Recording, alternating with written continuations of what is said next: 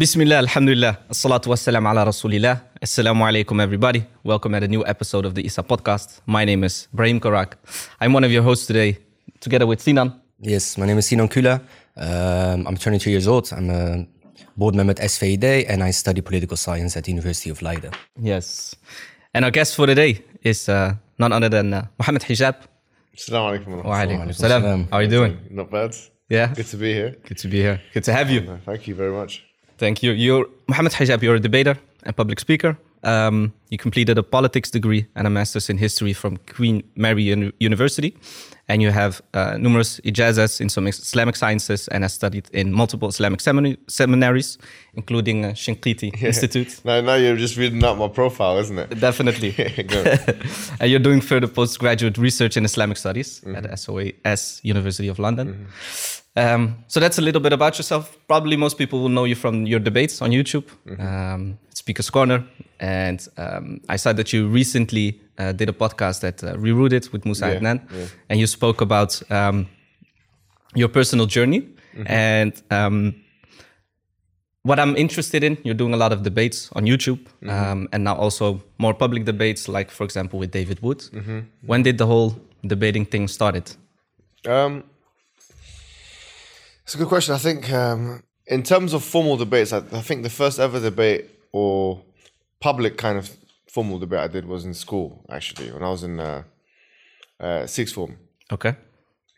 And I think that, there were, that I started to realize that I had an ability to speak and communicate quite well um, when I was about 16 years old, 15, 16.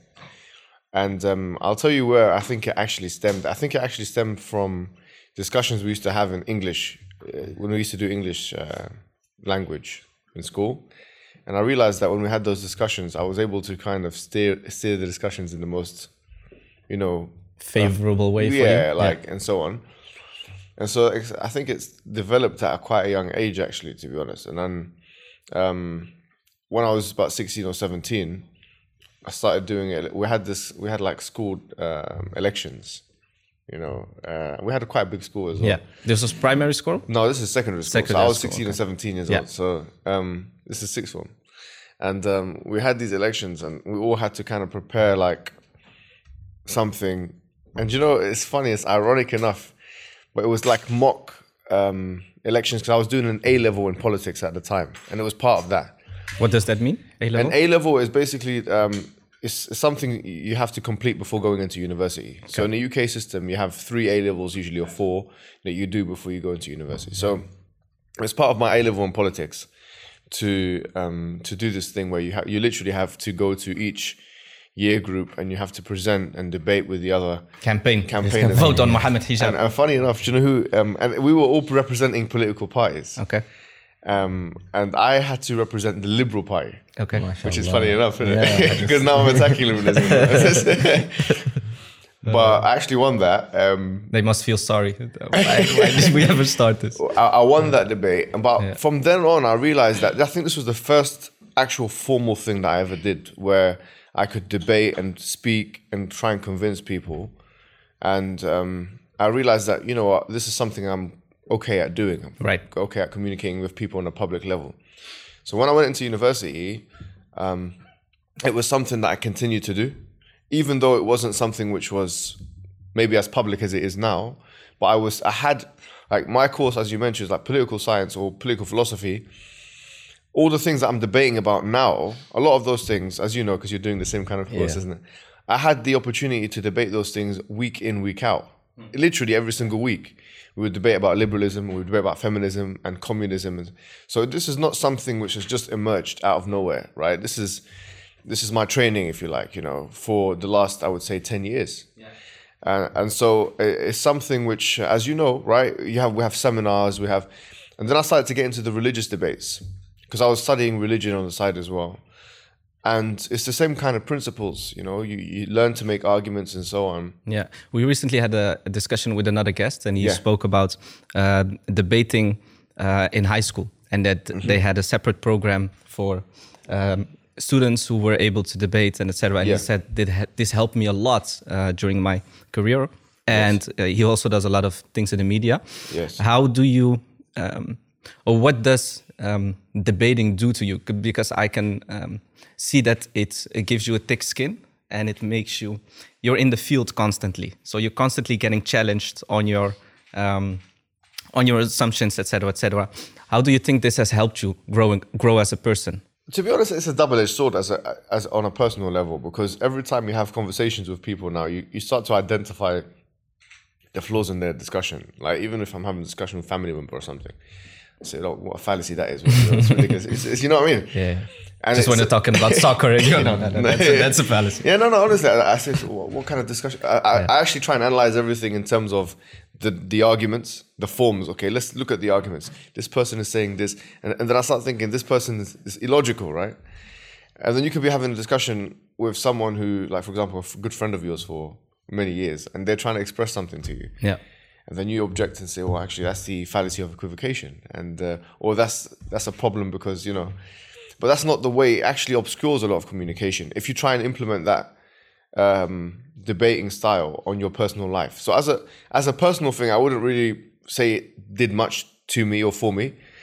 But in terms of obviously being able to communicate ideas on a public level, obviously, I think that training is required for that. I really do think that. And uh, you said that uh, when you were 12 and 13 years old, you started hearing the anti-Islamic narrative. You were Yeah. exposed to it. Yeah. And from that point on, um, you started investigating the Quran, etc., etc. Yeah. Can you take us with us from your journey from 12, 13 years old until now? How did that whole process go? So when I was about twelve, even even younger, I would say when when I started going into secondary school. So in the United Kingdom, secondary school starts at about eleven years old, right?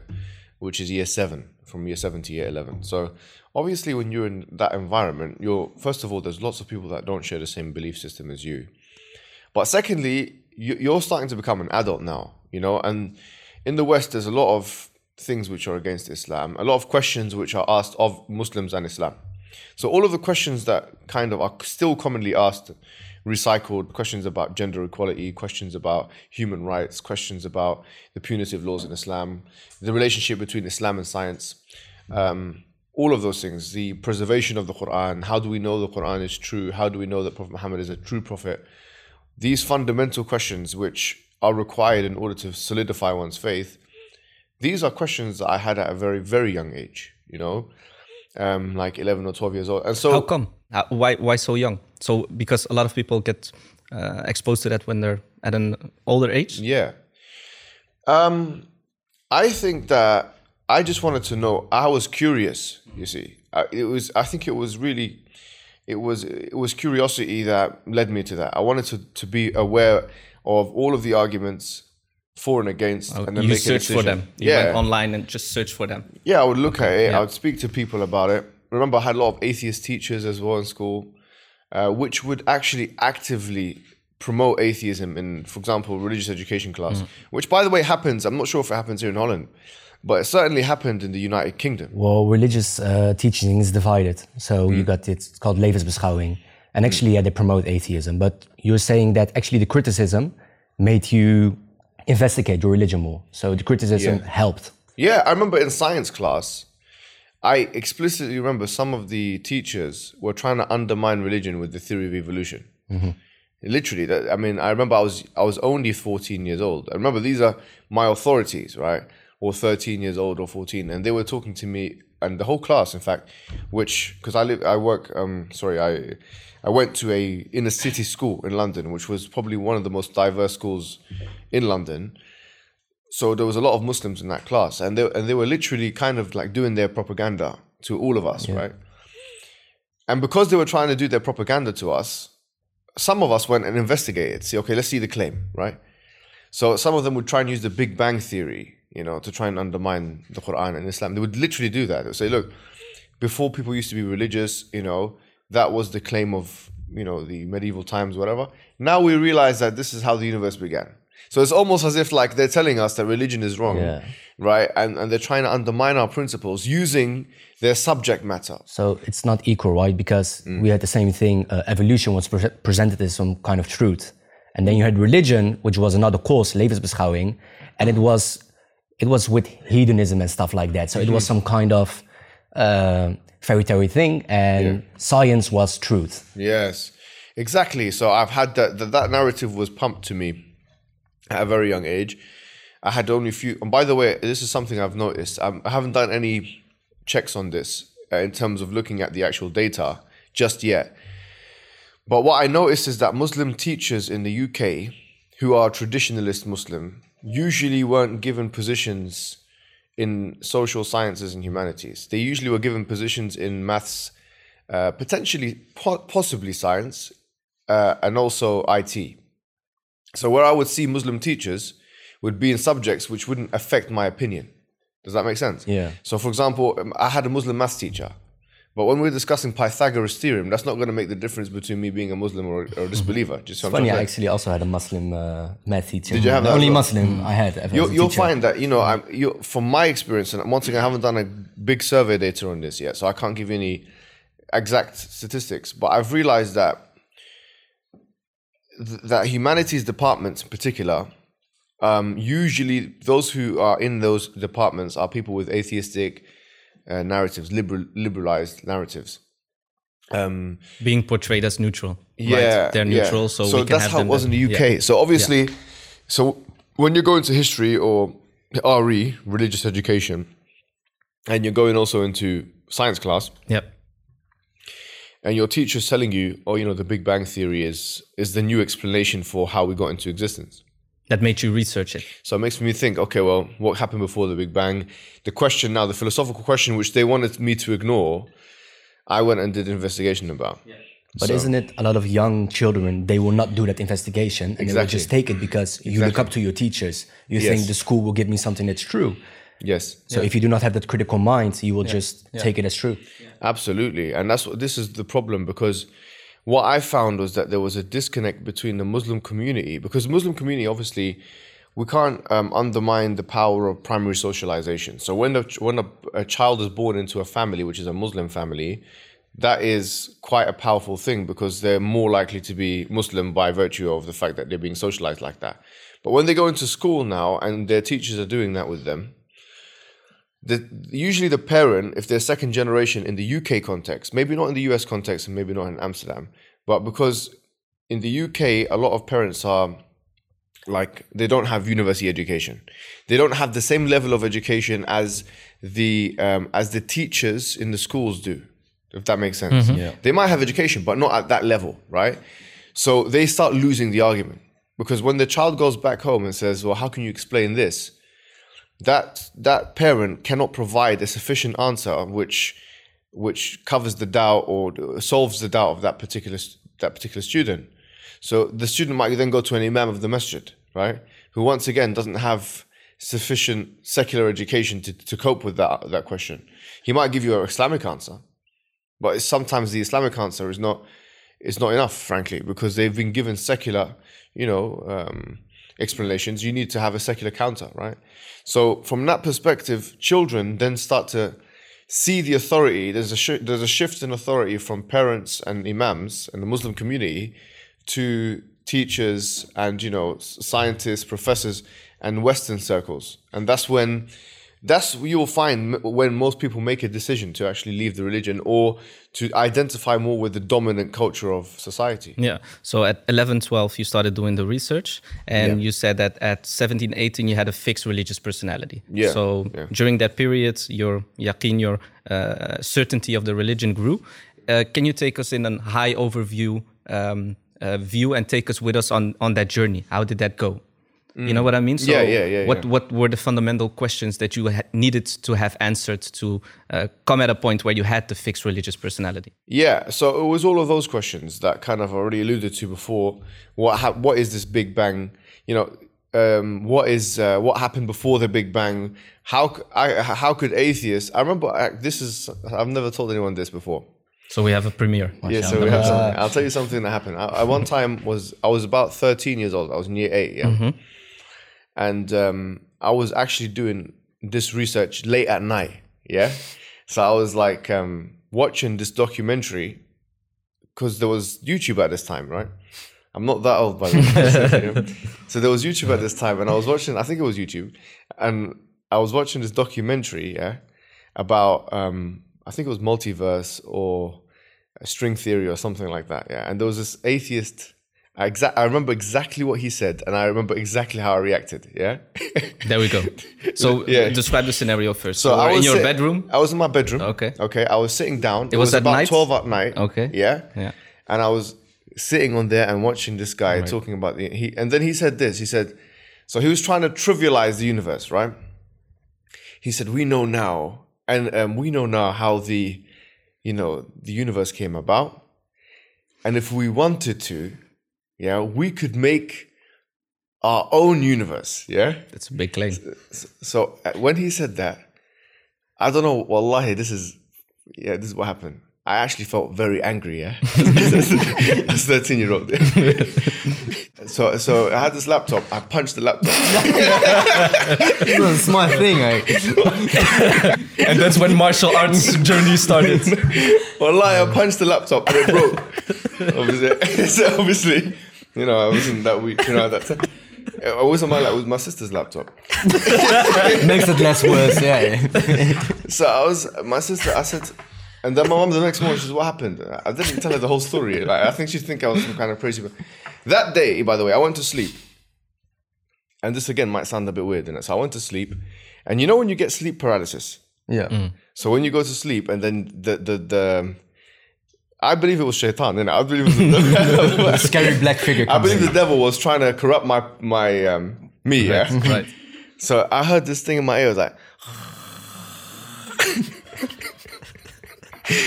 This is intense, right? Yeah. Yeah, yeah. Yeah, honestly. You just punch the laptop. You're hearing sounds in your yeah, ear. yeah, yeah, honestly. And after that, uh, you know, I was I couldn't move. I was I could I could feel my awareness, but I couldn't for some reason I couldn't move. So I started reciting Quran or something like that. Then it left, and I was thinking, what's going on? Like, you know, what's, what's happening right now? Yeah. Anyway, I mean, this sounds like a weird story. It's just my experience. I mean, so I felt like what was going on was that Allah was putting me through a test. Yeah. That that test was one where I was going to go through my own discovery. I was going to be introduced to the most uh, contemporary doubts. I was going to overcome that.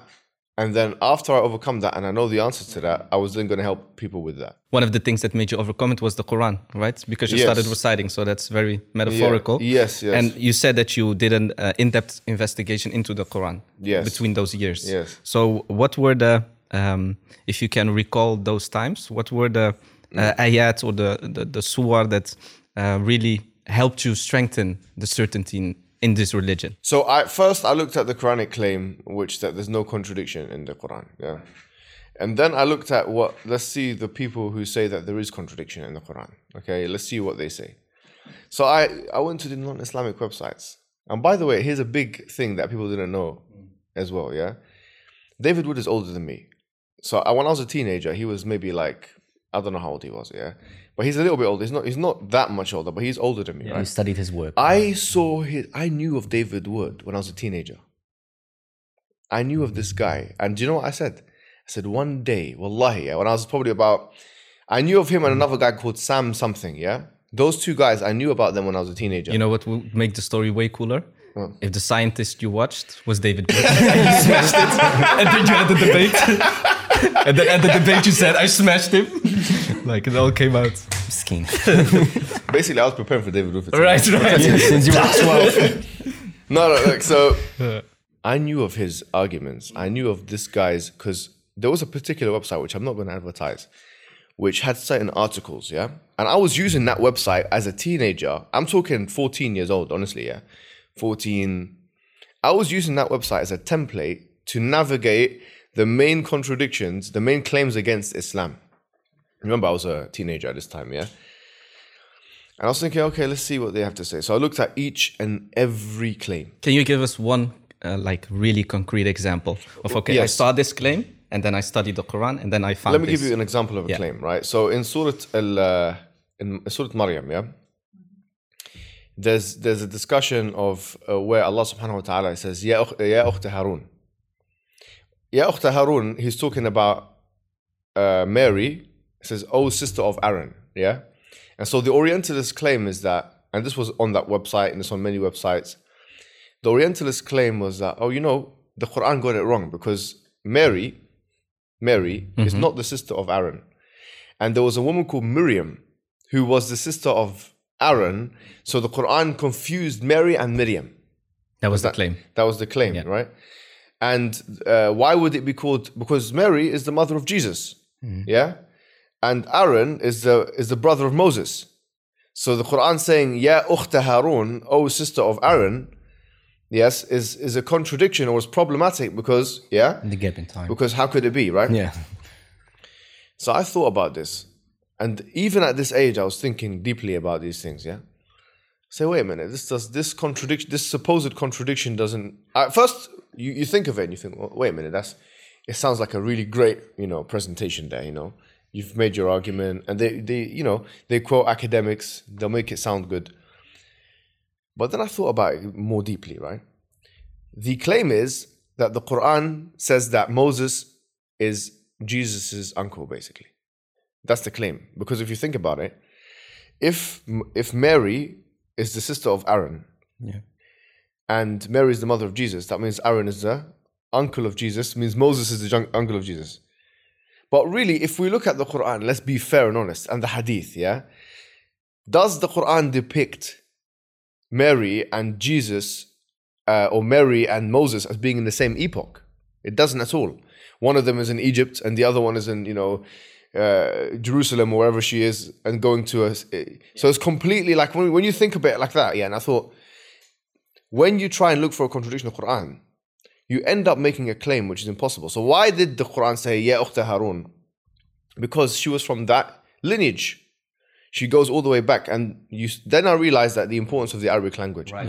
Because this kind of this kind of terminology is understood to the Arabs. Like Ibn Kathir mentions, many different Mufassirun mention. This is something okay when you mention the lineage of someone, and with and he gave examples of how that's done. Ya bani Ta- ya ibna ya ibna Tamim or whatever. It's, it's been done by the Arabs. So I realized that these Orientalists were clutching on straws, and the more I looked at their supposed contradictions at that very young age, the more actually this process strengthened my faith. I know it sounds a bit counterintuitive, but when you, and I'm not saying that this is a method anyone should employ, by the way, but Yeah, it just, yeah, it just happened to me, Yeah, right? yeah. When you realize, okay, I've looked at pretty much, like I'm pretty much familiar with the majority of common um, so-called inconsistencies in the Quran because I've been researching it for a very long time, yeah? But when you look at all of that and you realize how shallow the claim is or how problematic the claim is or how foolish the claim is, then you realize when Allah subhanahu wa ta'ala says in the Quran, you know, ولو كان من عند الله عند من عند غير الله لوجدوا فيه اختلافا كثيرا. If it was from other than God, they would have found in it many contradictions. But when you see those individuals try and find contradictions in the Quran and they fail time and time again, one of the one of the alleged contradictions is, I mean, this might sound a bit ridiculous. ولا تقولوا ثلاثة. The Quran says, don't say three. And the, the guy was like, you know, don't say three, but when you say the verse, you're saying three. They didn't understand the concept, the context, right? It's about Trinity. Don't say right? Trinity. Yeah, yeah, right. So he's saying, but when you say the verse, you're saying three. So you're saying We got ثلاثة. it. We found a Yeah, contradiction. you found a Yeah. contradiction. The- but then I thought, let's let's go with their يعني, way of thinking. It says ولا تقولوا ثلاثة. It doesn't say ولا تقول ثلاثة even. So it says don't say it all together. Don't say three. So even so, it's not like we're all coming holding hands and saying three. Like- do you know what I'm trying to say? Yeah. So even when you go down that route of of their trying to like kind of prove a contradiction of Quran from their logical perspective, it doesn't work. So when I realized that all of their attempts were feeble and that the Quran was something which is immune to contradiction, this was my first like real Right. like realization. So what I find really interesting, um, when you watch the, your debates, Yeah. you see that you have a strong fundament in Islamic theology, and at the same time, um, a strong fundament in academics, and not only in academics but also in modern day um, uh, conversations, discussions, liberalism, etc., etc. So, can you describe to us how did you go about your process of um, basically becoming a student of knowledge? How did this process start? Where did you start? And uh, looking back on it, like what, you know what I mean? What was the process? Can you describe to us that? Because a lot of students who are listening right now, um, I know a lot of them have the same ambition. Like, I want to have a strong religious fundament and a strong academic fundament. So, how did your journey go? So as I was doing my research as a teenager, I was also, as you know, like kind of interested in polemics and discussion, debate, and all those things. Yeah. So when I came to choose my A levels, I chose A levels which are very much centered in the social sciences, um, and which allowed me to kind of continue the debate, if you like, you know, and learn the secular sciences and so on. Um, and at the same time, I realized that at a very young age, maybe at the age of 14 or 15, that in order for me to really get to the bottom of these arguments, the Quranic arguments and so on, I need to learn the Arabic language, the Fusha. I need to be familiar with the Quran. I need to be memorize it. I need to all of those things. So it wasn't something I did as many Muslims do when they're very young. I didn't start at the age of seven or six or five. I didn't go to Quran school at that age. Alhamdulillah, my mom taught me Arabic, like the conversational Egyptian Arabic, and I knew some fundamentals of how to pray and stuff like that, and all of that was there. But I didn't have a robust learning from, like, say, the age of seven or eight. I didn't have that, so I had to start when I was about fifteen or sixteen. So I started doing everything that I've just mentioned, like, you know, So where did you literally start?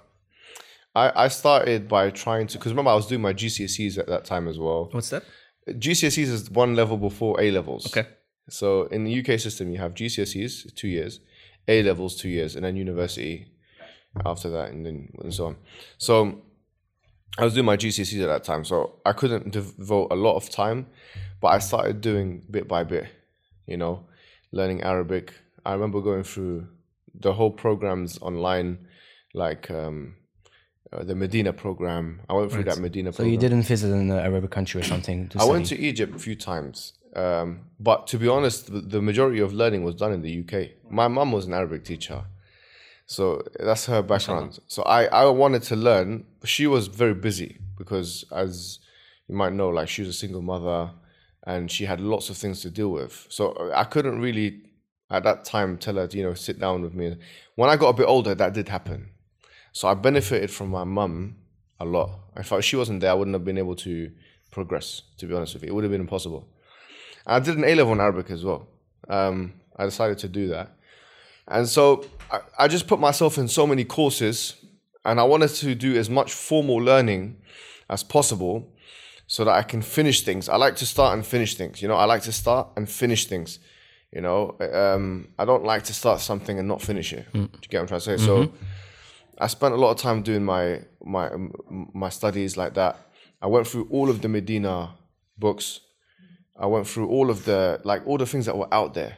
You know, I, I spent maybe I would say hundreds of hours, you know, researching uh, what was out there in English language. Then I went to the Arabic. Then I started when I got older and stuff like. I realized that okay, there's a there is a, actually a program for tulab al ilm if you like. So I started Students going of knowledge. students of knowledge. So I went through it. I went through. I'm still going through it right now. Even And what does that look like? so, it looks like the typically okay. Language acquisition first and foremost. Yeah. Uh, I I believe there's a big problem in the way that it's done in the West, where people want to learn Arabic, yeah, or any other language. The, how it looks is you have called the grammar translation model, which is the weakest model in terms of picking up a language, which is that literally, the, sorry to say, like the Medina books way, yeah, which is you have like uh, I'm not saying the Medina books are bad. I've went through them myself. I know all about them, yeah, and they give you a strong base in, in the grammar, but they don't give you a strong base in communicative Arabic, being able to read and understand, being able to speak and listen, Listen to lectures. and that's the most important thing. I mean, if I were to pause anyone in English language or in Dutch and tell them to break it down syntactically and grammatically, people wouldn't be able to do that. But if I were to speak to them, they'd know how to communicate with me at the end of the day. And so when you're reading, that's the most important thing. So th- I think the thing that actually helped me the most in terms of learning Arabic Fusha, you'll be surprised, I think is just communication itself. So being able to speak to my mum in Fusha, being able to do the A level and writing essays in, in Arabic, those things there, they were more effective than any grammar translation thing I've ever done. And so I believe that the grammar translation model, where you literally have a, a sentence and you break it down grammatically and so on, that's limited and it should be employed to a certain extent. At one point in my life, I did something called a CELTA program. And the CELTA program is a certificate from Cambridge University. They do like teaching English as a foreign language. And what they um, What they do is something called what they rely on is something called communicative approach in linguistics.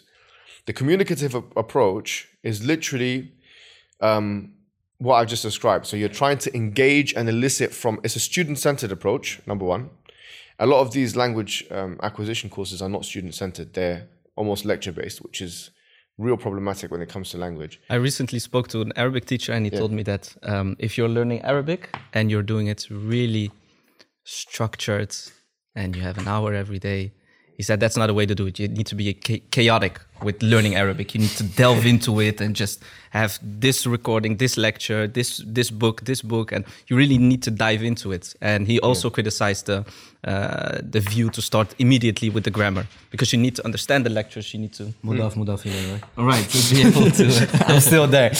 Yeah, and, dive into. Uh, yeah, exactly. into the language, Uh, yeah. uh, so there's there is a combination of things that's required. Um, grammar is one of them, but it's not the only thing. Communication is the key thing, right? So actually reading, trying to translate things yourself, speaking with someone, you know, listening. That's important. That's the most important thing. You will learn Arabic like that. You learn any language like that. And it isn't out there yet. You were saying. I don't know. Like I, I saw Bayyinah. Bay, you know Bayyinah. Oh, yeah, I'm doing a true Bayyinah. Yeah, they they rely on the grammar translation mode, but they can't do anything other than that because actually they're on YouTube or on social media. What can you do? You can't elicit conversation. I think they know full well that you know the communicative approach is more superior, but probably in their own institution in Texas or whatever they do that, right? But in terms of online platforms, it's going to be problematic because it's always going to be limited by okay, so one way communication. You and language is never one way. Language is always going to be two ways. So I'm not saying that these things are limited, but uh, these things are not useful. But they're always going to be limited. You're always going to need to put yourself in a, in a immersed um, situation where at least you know you're you're you're you're, you're, conversing with people. You're The advice the Arabic teacher language. gave me is just listen to lectures. Just listen, listen, listen. If you even if you understand just ten percent, you build it up. Yeah. And in indeed talk to people. Talk to people who know the yeah, language it's good to go develop. through a program as well, but a one that is, I would say, based on a communicative approach. So th- those programs are there, they're out there, and some institutions, I'm not sure in Holland, but they do implement those. So I would. There, are different methods. There's a method called the Callan method, which is fully conversational. There's a method which I said is a, grammar translation module, which is fully grammar. I think there's a middle way somewhere, and I, and I think that we need to look for that when we're looking for you know an Arabic school or something like that. So what going back to what I was saying is that I knew that Arabic was the key, right? In order for me to access books, in order for me to to know the Quran properly and all those things. Right. So I had to start doing that. It took time and it wasn't easy. Yeah, I you know, Egyptian Arabic is not Fusha Arabic. It's almost I would say it's a different language. It's way different, right? It's a different language, bro. You know, it's really and truly it's a different language. The grammar is different. The words are different. It's a combination of Arabic and uh, al-lugha al-qibtiyya, the Coptic language. Yeah. So it's a, it's a different language. So you finished the Arabic and then you went on the the knowledge trajectory basically because you Yes. had this this Yeah. this this this fundament. Yeah. So um, what I find really interesting when uh, watching uh, your debates is you're also you're often very aware of the books that are out there. Uh, so, for example, you're debating with a feminist. You can quote them the books. You can tell them, "Hey, have you read this? This." You can even tell a feminist, "Hey, Page have- 45. right? Haven't you read this?" but this shows that you have a habit of reading, um, which is getting less and less in these times because we have smartphones and we have technology, etc. People are more um, inclined to visual stimulation, etc. Um, how did you go about making a habit out of reading, and what would you advise someone who wants to start reading but doesn't do it often enough? You know what I mean? Yeah, I was forced to read because I had to for for the many courses that I did in my life, right? And um, that was one thing. I have to be honest with you. It's not something I, I initially had an impetus to do as a 14 year old guy. You know, I, I read because I was curious and because I was forced to do it through courses and because um, Uh, it was something that was I had to do in the in the beginning in the early stages. After that, any uh, anything worth having in life doesn't come easy, right? As one of my teachers used to say to me, you know, anything worth having in life doesn't come easy. And if you have a habit of reading, that's a gift in and of itself. Not the fact that you're reading, but that you are that you have a motivation to read. Having a motivation to read is a gift that you've been given that, especially in an area or in a time period in life where you're being stimulated, as you said, by so many other things. So um, I had to read, and it wasn't easy in the beginning. When you go through, we all have to read. When you, I'm sure you're aware, right? We go through um, school and so on, and then afterwards, I realized that look, these are important points that are being made, and I realized the value of written word compared to, for example, spoken word. When someone writes something down there, they're literally putting their most important ideas on paper and books are one of the most important, if not the most important things a civilization can provide. Definitely. And if you're deprived of that, then you're deprived of a big part of humanity, right? Because if you think about really and truly, what are books? Books, if you if you didn't have books, you wouldn't have civilization. You know, if you if you delete all books from from the face of the earth, then we're gonna we're gonna go back to you know a prehistoric age almost, right? So if you realize the value of everything that is you know, a knowledge and that is worthy of um, having as a knowledge comes from books, then you realize, okay, I need to systemize my reading. But it shouldn't be something random or haphazard. It should be something which is, okay, I'm doing it for this reason. I'm, I'm reading these books to understand this. I saw a lecture of Muhammad, Mufti Muhammad Munir, and he spoke about uh, reading and the virtues of reading, and he referenced it to the Quran. Like how many times does the Quran talk about kitab, the book, and Yes. it references to the Quran as a book and Yes. uh, the pen, etc., etc. So basically, that it's implemented there. So your political science uh, bachelor's, right? It probably stimulated you a lot to keep on reading because yesterday you mentioned Hobbes, you mentioned Immanuel Kant. Yes. I'm curious, did your did your university also motivate you to be critical to these thoughts, to these ideologies? My my university was, um, I had a big um, kind of Marxist influence in the political science department. You did. Yeah. So I remember one time I was I didn't know this guy was a Marxist or like I had a second year like uh, essay on Karl Marx or something like that. Yeah. And I was attacking him. So this is and, and that's why you know there's been it's not relevant anymore now in society and whatever. And then You got an F. I got a low grade, and, and you know, I saw the paper, and I was thinking, why did he give me a low grade? And I looked to the sides, like you know, the annotations, and I was thinking, this guy's this guy's fighting back. And I'm thinking, boy, I'm a second year student here. Do you know what I'm trying to say? Yeah. This guy's a big professor, yeah, and in fact, he was one of the leading professors in his field, and he's attacking me on every detail and stuff like that. I'm thinking, what's going on here? So I, I did research on him. I realized he was Mar- he was a Marxist, and so um, yeah, it does stimulate debate. Basically, what you need to realize is that, especially if we're talking about people who are, if we're talking about a subject matter which relates to what people believe, you need to get the details right. You know, um, if we're talking about Christianity or Islam, if we're talking about, you know, liberalism or feminism, these are things people take very seriously. You know, you can't just talk. You can't just have opinion, an opinion on all those things. That's that's the mistake a lot of Western commentators have. You have an opinion on Islam. Jordan Peterson comes out. You know, I have an opinion on Islam. He says I'm ignorant of it. Then he proceeds to give giving his opinion. And one day you want to criticize them, they want you to come up with loads of arguments. Yeah, no, they, they treat it as if it's like you know, let's not. We don't need to have a, an in-depth understanding. It's something like if you, you talk about Islam or any of those things, you need to have a good understanding of what you're talking about. You need to spend some time reading, right, and asking and conversing and debating and all those things. And so I didn't come out just yesterday saying, okay, I'm gonna I'm gonna um, refute liberalism. I'm gonna refute feminism. And I don't. I, by the way, I don't recommend anyone does that. I spent years do, uh, doing It's a the process, research. yani. You, Yeah, as you have, right? Yeah. Because you just uh, we, we studied this thing in university. We did it on a postgraduate level. We had maybe about if you add up all of the, the little classes I had, maybe I had two hundred uh, debates on Yeah. this. Maybe I had two hundred debates on this, and I had how many essays have I written on it, and how many times have I been refuted before I came out on YouTube to speak about the thing. So it's not it's not something I've just come out and decided to do, right? Um, so yeah, I think that reading allows you not to make a fool out of yourself. Right? You're in touch with what the discussion Yeah, is. what is what's the current discussion? What is you Yeah. can know more about what uh, someone else believes than they do about what they, they they believe themselves by going straight to the books. So um, yeah, yesterday we had a main conversation. You did a case study, right? On okay, what are the what are the differences between liberal system and Islamic system? And you say, okay, you got to keep reading to have the knowledge about the liberal ideology. But how would you advise, like the average Muslim student, to to deal with these well conflicting theories and to keep up to date and be able to defend themselves in these types of conversations. I don't. uh, Not, not everyone needs to do what me and you did and go and do like politi- poli- political philosophy Yeah. in university. Not everyone needs to and can do that. Yeah. It's because to expect that from someone, it's like saying to someone, "Okay, go and do computer." Imagine someone coming to us and say, "Go and do computer science." Yeah, I would say no. You know, so, you. so you can understand the discourse of you know Java. And by the way, I did a course on that. you know, Did you like it? And um, I found it was really beneficial. Actually, I did a data analysis course uh, some time ago on uh, you know Python and uh, do you call it Excel and.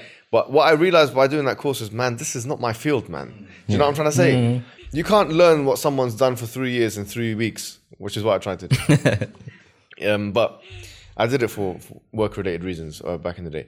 But the point is, um, Al Ghazali, uh, he wrote an interesting book called Maqasid al Falasifa, which is the objectives of the philosophers. And he talked about basic. He made Al Ghazali and Ibn Taymiyyah two individuals who are the most, I would say, two iconic individuals in Sunni Islamic intellectual thought. That's my claim in it. So those two individuals are the most iconic and the most influential in Sunni Islamic intellectual tradition. Both of them uh, did rationalization. I wouldn't say they did philosophy. That would be not correct because they both they, they did tadmim of philosophy. They um, they they criticized philosophy. Yeah, they but in order to do, they knew right? what Yeah. they both of those men knew what they were talking about. Yeah. They didn't make a fool of themselves. They went into when they were refuting the philosophers, they did it on their principles. They did it properly, you know? Not everyone needs to do what Al Ghazali and Ibn Taymiyyah did. But what one can do is reference back to Al Ghazali and Ibn Taymiyyah, which is basically what I do. For example, in the um, in the in the case of the existence of God, yeah. All you have to do is because that was there back in the days. It was an issue back in the day, so I don't need to reinvent the wheel. I'll just take their ideas and you know, um, you just go back to what those individuals say. So if you have people like me or you or someone who's okay, we've studied this thing for X amount of years. You don't need to do what I did. You don't need to do that. Would you say they would need a basic understanding? Yeah. Because what helped me a lot was this course was about uh, methodology and stuff, and we had the philosophy of science. And that is when I discovered for myself that science doesn't even claim to be an objective truth. Absolutely. It comes up with workable models. Exactly. And that changed everything for me. Then I realized, hey, this is something good because the average atheist, they will be like, well, it's proven through science. And you're like, no, no, science doesn't claim that it's an absolute truth.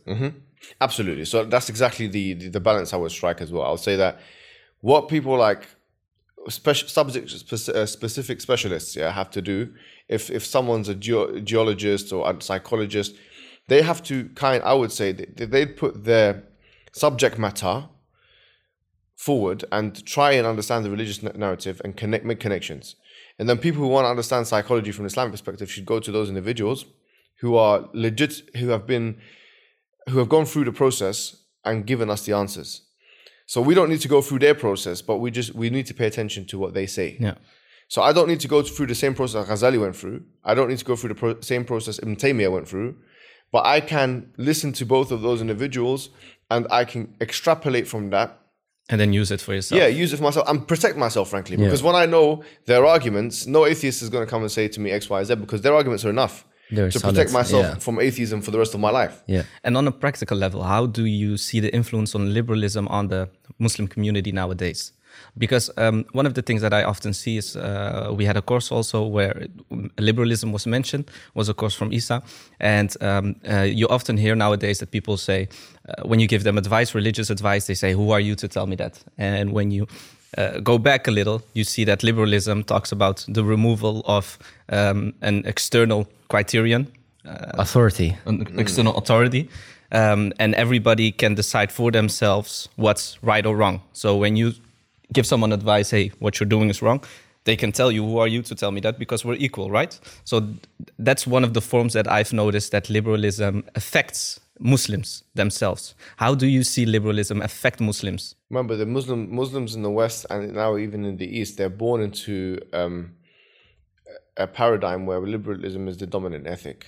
Yeah. So obviously, there it's going to affect them because when we talk about morality, it's almost always goes back to democracy and liberalism. So if I say it's undemocratic, I might as well say it's bad. Yeah.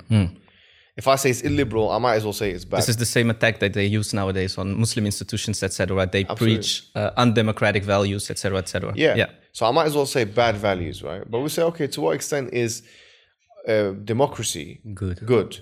Churchill said, right, it's the least worst thing we have, Yeah, yeah, actually. yeah, They- yeah. He never called it good. It's, it's, yeah, exactly. He says it's the um, what is it? It's the Least worst, something of that. It's the worst. Yeah, it's Least worst. it's yeah, it's it's, it's the it's something like that. Lesser yeah, of it's the two evils, It's yeah. it's um it's not the best thing, but it's the it's the best of the worst systems. Yeah, kind of something thing. like yeah, that. Yeah, yeah, Um. So yeah. So to to what extent? I mean, even in Western philosophy, there's discussion about that, right? Yeah.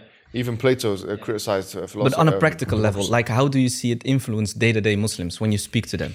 You know what I mean? Yeah, it does. It influences them because this. I remember going to Egypt, man. I was in Egypt. I was in the, I was in the taxi, you know, and you can gauge public opinion in Egypt through taxi conversation.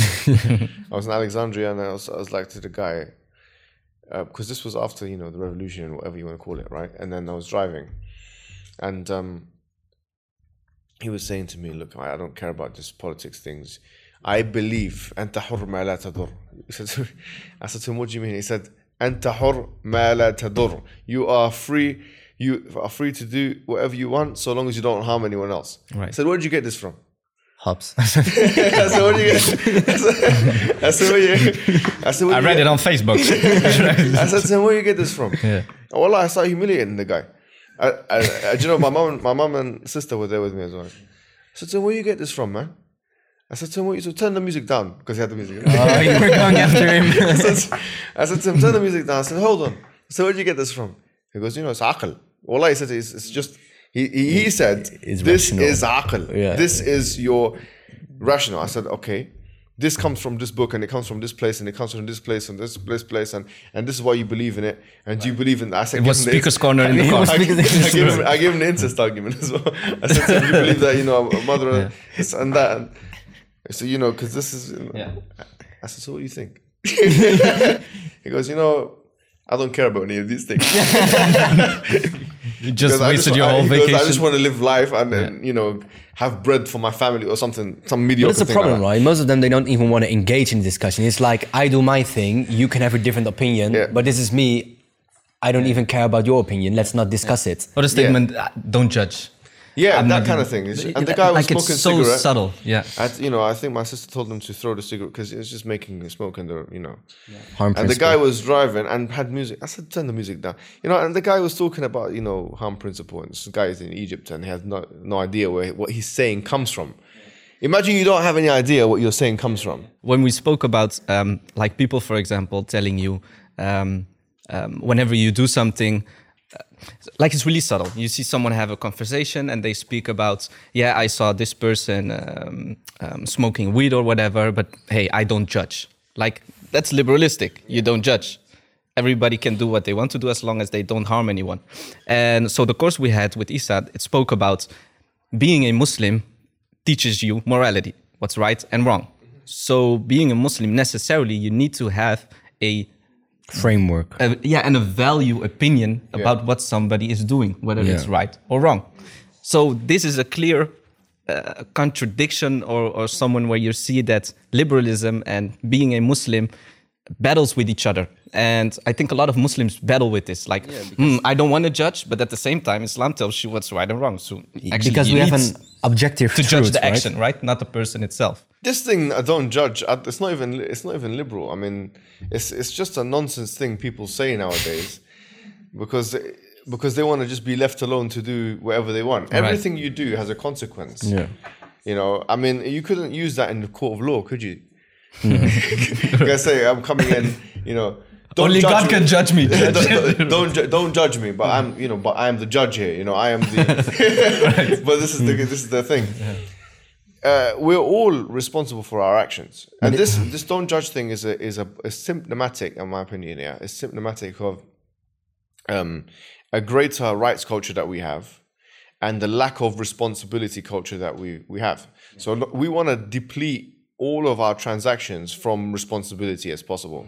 We don't want to be responsible for anything.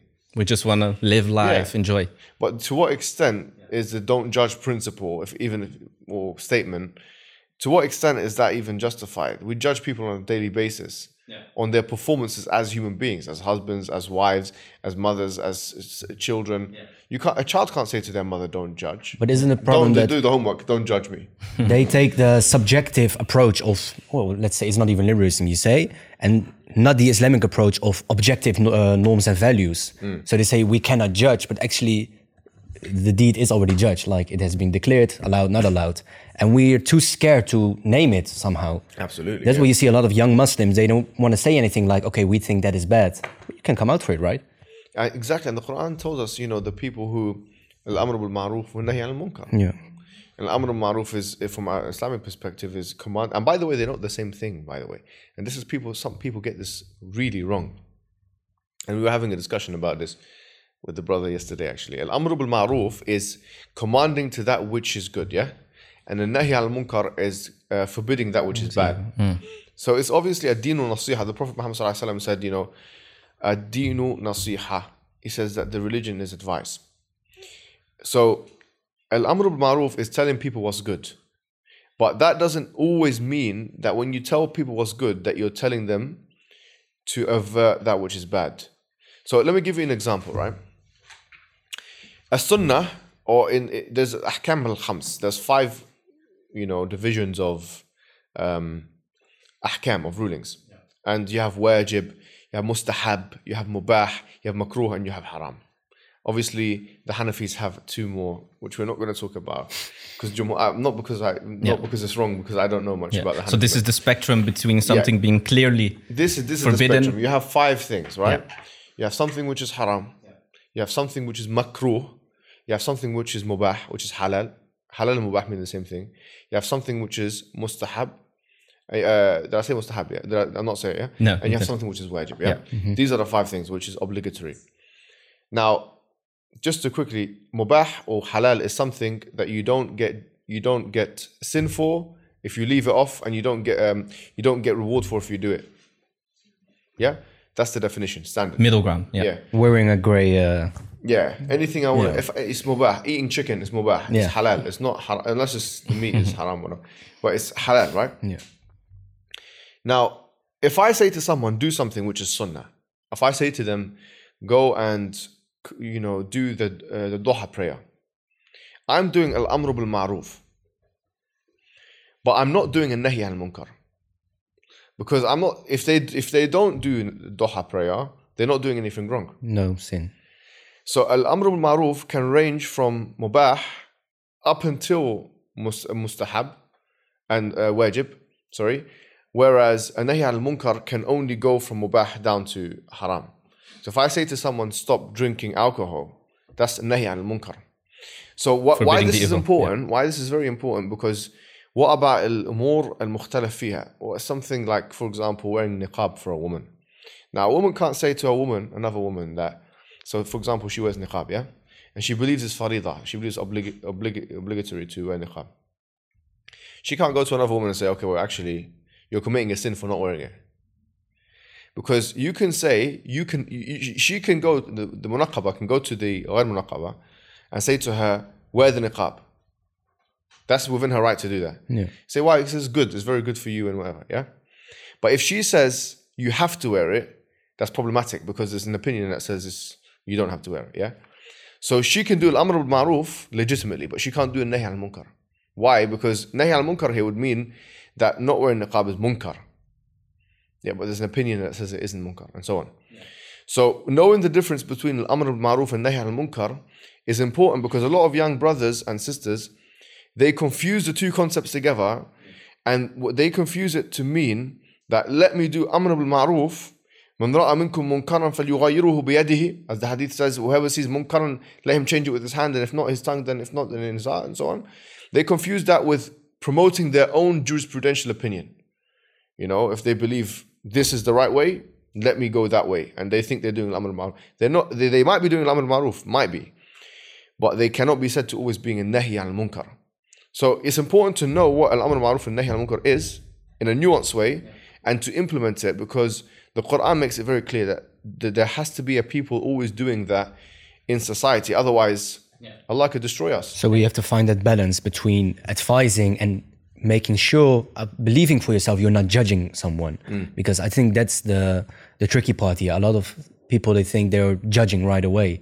If I advise them, yo, go pray or something. Yeah. I'm not judging you doing the Amr bil Maruf, as you just said. Yeah, and uh, there was a story of someone in uh, Birmingham in, in the UK. Some brothers there, they're very tough, you know. Mm-hmm. I'm not sure if you're aware of these, you know, inshallah, you know, tough brothers and stuff. We have them in the Netherlands too. You have those guys. yeah. Um, and so there was a woman on the bu- on the bus, and uh, obviously I wasn't in Birmingham. I was told the story from some guy in Birmingham. A woman was on the bus, and this was um, Ramadan. Yeah, she was eating on the bus. She was like a Asian woman. She was eating on the bus, and then the brother was there with his soap, and he said, "Why are you eating? It's Ramadan." Yeah. and and by the way, he goes, and by the way, you should also put hijab on because she wasn't wearing hijab. By the way, By the way, disclaimer. Yeah, she turned around and said, you know what she said? I'm not even Muslim. That's, There you go. That's an extreme example, isn't it? Yeah. Of someone doing judging, but it's, it's a ridiculous way to, Yeah. to do it. yeah. Sometimes you can see a woman that can be, for example, tabarrija, like not wearing any hijab, nothing, yeah? But she might have just come into Islam. So there is there is an element of where, okay, you, you got to withhold judgment until you know the full Yeah. thing. And our religion also says, no, don't judge is important because someone might come to you and, and, and report something, yeah? So they might say, for example, my husband did this to me, my wife did that to me, yeah? My mom did this to me, my child did that to me, whatever it may be, yeah? In Islamic, in the Islamic way of doing things, that's not legitimate to hear one side of the story. And we have many clear hadith. In fact, the Quran talks to us about the, the, the, the story of Dawood and Sulaiman, you know, and how only one side of the story was heard and so on. So don't judge comes into play in those areas where you, you only hear one side of the story, no matter how dreadful it sounds. You know, and this is where I believe the Western institutions have got it right. It's called natural justice in, in law, yeah? Natural justice is the idea that two sides, part of natural justice, the idea of two sides get to, you know, give their side of the story before a, judgment is given. And if so, someone comes and does backbiting and says, okay, you know, you know, my wife, she's abusing me, or my husband, he's abu-, so on. Yeah, it might be a very serious claim, but it has to be, it has to be tethered with this notion of don't judge just yet until we see both sides of the story. Because the worst case scenario is you start accusing people of things like adultery and things like that. I want to put something uh, forward to you, Mohammed. So we have a Facebook group called uh, Muslim Student and LBA, Muslim Students, and we recently had a post, um, uh, a poll that we did, Oh. um, um, where we promoted the liberalism events. So we had some questions and we All put right. them forward. Good, yeah. So one of them was statements, basically. Um, being a fe- feminist and a Muslim can be combined. One of the statements, and then people can discuss it, and people can also vote for on it. Right. So uh, 62% of the people said, "Yeah, that's possible. You can be a feminist and a Muslim at the same time." Um, and what I often see is that feminism and women rights are used interchangeably. So I believe in women rights, so I should be a feminist, right? What does what? Yeah, what's your response to this? I think there's a difference in asking, and I've thought about this a lot, by the way, and I've written a book on this as well. It's coming out. Do you know what it's called? Mm, tell me. It's called Fifth Wave Feminism. So you made a new wave. Yeah, I made a new wave. You will be remembered in history like that. Mohammed Hijab, fifth I, wave history. Sounds very pretentious, uh, Change Mohammed. and uh, um, yeah, it's a small book. It's going to come out. In this, I've actually finished writing it now, so I've. Uh, it's a very small book. Uh, I'm not trying to create massive books nowadays. You can read it in two hours. And let's keep it short to the point. short, short and to the point. Certain case studies uh, there, and it's it's part of my because I did gender studies as part of um, postgraduate studies, so it was good to do that because I wanted to hear their perspective, and um, so yeah, I mean, I've done that book now. It's coming out. My answer to this question, after really thinking about it, is as follows. I say that there's a difference between asking us to what extent can Islam be compatible with feminism and asking the question to what extent can feminism be compatible with Islam? I think these are two completely different questions. So I would say a feminist can become a Muslim. It's no problem, right? And in fact, there's no contradiction in a feminist being a Muslim. But when we're talking about the second category, which is where you're talking about here, which is a Muslim being a feminist, now we have to define terms very carefully here. Because feminism is not easily defined. Although some people try and give very straightforward definitions like social, political, and economic equality. Yeah, that's a basic definition of feminism, which doesn't tell us much, because the truth is, there's more, as we've kind of discovered, there's more than one wave. Yeah, and there's criticism within feminist theory. It's not like feminism is one monolithic thing where you know, whatever, for example, Friedan says or de Beauvoir says or whoever it is says is the be all and end all. It's gone through a transformation, a transformative process. So I would say this is that if we're looking at intersectional feminism, which is the most, I would say, updated version of third wave discourse. Yeah. What is it exactly? So the, yeah, the intersectional understanding is that a woman is not just a woman, right? She is a woman. She could be a black woman. She could be a working class black woman. She could be a woman that lives in this. She could be. She could want to identify with herself as, for instance, in tribal terms. She could want to identify with herself in religious terms. If we employ a robust intersectionality, and this might be a bit complicated, but Let's try to keep it as simple as possible. Let's try and keep it as simple as possible. If we say that a woman can, can decide how to identify herself in the order in which she wants to identify herself, and she decides to identify herself as a Muslim first and foremost before everything else, that's in line with the intersectional approach. It should be in line with the intersectional approach because the inter- intersectional appro- approach is it gives you the free reign to prioritize your markers of i- i- identification. You're more than just your gender. Yeah. So, for example, a black woman, you can't argue that black um, gender is more important than blackness, right? It's a very difficult argument for someone to make, and it wouldn't be accepted in the third wave discourse. So, third wave feminism would reject that claim outright. I would say, yeah, that if someone says I'm a black woman, who's to determine that black that womanness is more important than blackness? Yeah. So in the same way, we say, okay, well, if a woman says that religion is more important to her than gender, or the Eurocentric understanding or conceptions of gender, then that should be as legitimate as, uh, as that. So then her religion would be her yeah, framework. so her religion becomes first, and whatever the religious entailment is, then that is the most thing to be prioritized.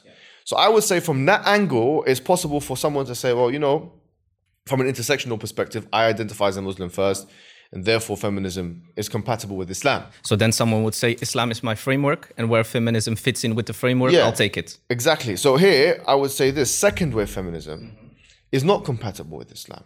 When we say Islam is jurisprudentially understood as the four schools of thought and so on, and feminism, second wave, how can you argue that that's compatible? Because the argument here would have to be in that the stances of motherhood and the stances of family and the stances of the all those things are the same, which they're, they differ which they're not, much. which they're simply not. Second wave feminists in particular, which when when we say feminist, we're talking more specifically about second wave most times. Yeah, a lot of people don't even know what. So what does second wave feminism so say? Second wave feminism is pretty tough against the institution of a family, right?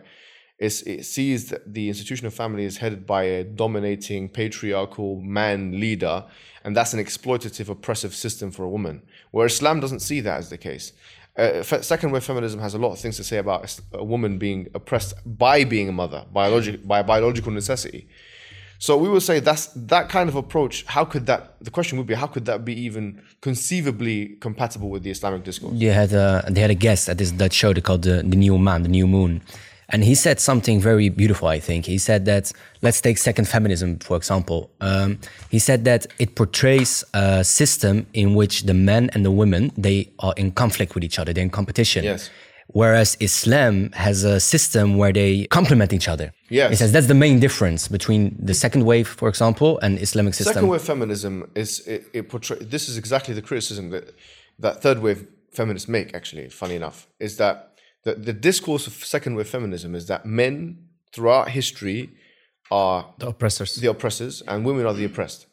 As simple as that, right? And intersectional feminism doesn't say this. No, because intersectional feminism is a little bit more nuanced. So what we're talking about, a black man and a white woman, or a white man and a black woman. And that's fair enough because you can't argue that, for example, you know, white women were being oppressed by black black men in the slave trade. Yeah. When they had them as slaves. White women had black men as slaves. So where's the patriarchy now, right? So what, what was also an interesting point in, in this discussion is that um, because it's so difficult to define feminism, right? You have the second wave and f- the fourth wave and fifth wave is coming now. Um, so it's really difficult to um, know what it means when someone says, I'm a feminist. Yeah. So one of the reactions was, why don't you just say, I'm a Muslim? And does the good that exists within feminism exist within Islam? Yeah, we believe that Islam is a, a, a holistic approach and a holistic framework to um, to cover these things. And uh, what I often see is that uh, the word feminism is thrown out very easily. So uh, recently, um, I heard someone say, um, "Yeah, feminism equals women rights." The Prophet Muhammad SAW came up for women rights. So what He plus one was is a two, feminist. right? Like really simplistic and problematic. The problem is the the knowledge production of feminism, especially second wave, as as realized by many second wave feminists themselves, is a Eurocentric knowledge production. It's happened in Europe. And so people like Audre Lorde and people like, you know, Bell Hooks, who are very famous in feminism, two very famous black women, you know, that came out, they were criticizing this. They said, look, you don't know how we feel as black women in America, for example. But then you can extend that criticism and say, well, you, white and black people in America don't know how people feel in Africa, how women feel in Africa. You don't know how women feel in uh, Asia or China and India. So why have we given legitimacy to a type of feminism which is very Western in its complexion, quite literally, right? It's very Western in its um, in its inception, conception, and its proliferation. So we would say that that's an unfair thing to do if what is sought is the representation of women worldwide, because there's maybe like three or four billion women in the world. Yeah. So why is it the case that maybe hundred million women, or maybe less even, we look at studies now that are done in America, 80% of women identify in America against feminism, according to these studies, right? But what even then, th- that small percentage of women that decide to call themselves feminists or decide to acknowledge that production, why should they be representative of all of the interests of all of the people? Because the thing is, from Pew Research, we do know. For example, let's be very contra- let's be straightforward, right? The the question of husband-wife relationships in a, in a household, yeah. And in Islam, there is a leadership system.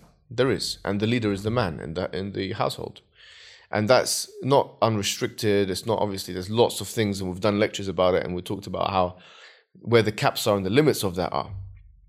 But generally speaking, the husband is seen as the steerer of the ship, if you like. Now that's completely against second wave discourse, yeah. Now the question is: Is it against women's interests, or is it against women's understanding of how things should be. Because if you do the research, you'll find that the majority of Muslim women in the Muslim world, they actually maintain those notions. Like the, the, biggest studies that are done in, for example, Pew Research and the Gallup poll and all those things, most Muslim women acknowledge that. Acknowledge that in the world, we're talking about on a on a on a global level. What do they acknowledge? Acknowledge the fact that this ought to not only this is the case, but this ought to be the case that the man should be the leader in the household. Yeah. So the theory of justice of those Muslim women is being undermined by the theory of justice by West. Uh, sorry, those Feministic discourse. yeah, by Western women who claim to represent all of women's interests, but, no one voted them into power. If you like. Isn't that the problem with most of our theories? Because the West has some hegemony when it comes to ideologies. They export it as the most. Hegemony? It means that you are the only willpower. You're hegemon. You're the main willpower. Yeah. Like you can also see the military terms. The US was the hegemon. Mm-hmm. So they are the ones that keep exporting their ideologies because we are not influenced by Chinese culture, for example. Perfect We example, are yeah. by Western culture, Yeah. and the whole world is influenced by Western culture. Yeah. So we had also had this in school. Like we had this, we have this idea that there were never, for example, African philosophers. There were, but their works have never been preserved and they haven't been exported. Mm. So their, their works have been preserved in oral histories and stuff, which the West doesn't seem as. Once again, they're they're the arbitrator of you know what's acceptable, and what's not acceptable. Yeah. And for us, the why the question is who gave them the power to do that, right? Who and, and going back to feminism, who gave white? Usually, it's not only just white, but Western women, right? Who gave them the power to represent the interests of all of the women in the world? What if a woman says to you, "I want to be in a relationship," right? That the man can take uh, control of certain tasks and responsibilities they would just say that she's that's brainwashed Her, that's that's her impetus, right? Yeah. That's that's what she. Now you could do two things with such a woman or such an opinion. You can say your opinion is wrong. Yeah, number one. Uh, you know, you need to be enlightened and so on, yeah, whatever. yeah, yeah. Or you can say that's your opinion, okay? And on feminism, on intersectional feminism, your opinion is as good as mine. Okay. Yeah, it ha- they have to say your opinion is as good as mine. There's no reason why the Western Eurocentric opinion, if representation of women is what we're looking for, there's no reason why that opinion should be any more valued than that one. If a woman decides I mean, let's be let's be really controversial, right? Now, this might sound a bit, you know, odd, yeah. But you guys have some odd things here in Amsterdam, yeah? Because th- there is a there is a thing in liberal theory, which, by the way, most I, I couldn't say this conclusively, but you could easily say that most feminists are liberal feminists, yeah. So they believe in liberalism as a you know philosophical backdrop to feminism. So they believe in consent. Now, if a woman, you know, this kind of things that they do in, sorry to say, in a sexual thing, you know, when they have like a whip or something and they and they hit each other. it. Do, you, do you understand what I'm talking about? BSM, something like that. Yeah, yeah, yeah. All right. So this thing, think about what's happening here, right? I will ask you a question. Here in Holland, yeah, if a woman decides I want to engage in such sexual activity, yeah, with some man, and she consents, she says, "You can whip me whilst we're doing the sexual act." What's actually going on there? Let's let's unpack it from all, you know, from all the things that it could be, you know, uh, guys with. Number one, what's going on is that she's telling him to hit her. The man is in a position, yeah, and vice versa. It could happen the other way around. But he's she's she's giving him to permission to what would in any other context be seen as assault. And the funny thing is, you got a movie like Fifty Shades, right? And it's like a big hit, and everybody goes to it, and You they didn't- love you the didn't watch story. this, did you? I didn't watch it. I don't watch movies stuff a lot. I was You actually needed to watch this for a study. Yeah. I, I didn't know what it was. yes, it's from Hajj, from Darura. Yes, necessity. I, I was only introduced to that one. One of my students one time, she was a she was a girl reading this book, and I said, "What what book is this?" And she quickly put it in her pocket. You know, mm, ah. I said, "What is this book?" And well, you know, and then I spoke. You know, I saw her bring out again, and it said something, uh, Fifty Shades. Yeah. Never So I of went online. and I said, "What is you know? why are they acting like that?" And I realized that you were surprised, yeah. But then it's the- with consent, right? the point is, yeah, right? Yeah. if a woman consents to being hit in a sexual context, on liberalism, it's seen as okay, isn't it? yeah. Yeah. She gave consent. It's her choice. Okay, so uh, so if, if if things can go to that level Mm-hmm.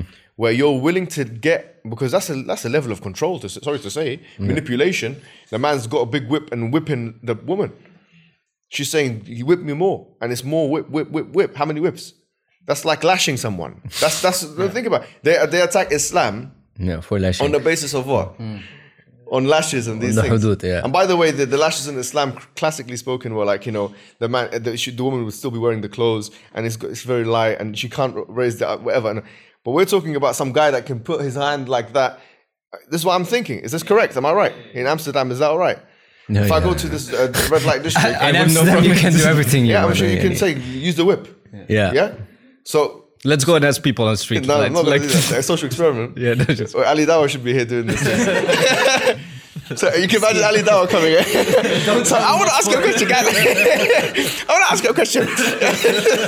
you know, if your husband said, "Have a whip," would you do it? all right, all right. is it is it moral though? Don't tell him why it's coming. Just say fine. Yeah, do you, get, do you get what I'm trying to say? So, but, so it's conceivable in liberalism that this kind of assault can take place with women's p- consent and permission.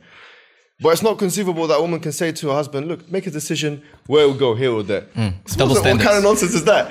think about think about that seriously. Well, like, so a woman can be assaulted legally, right? Yeah. With her consent, but she can't be told what to do.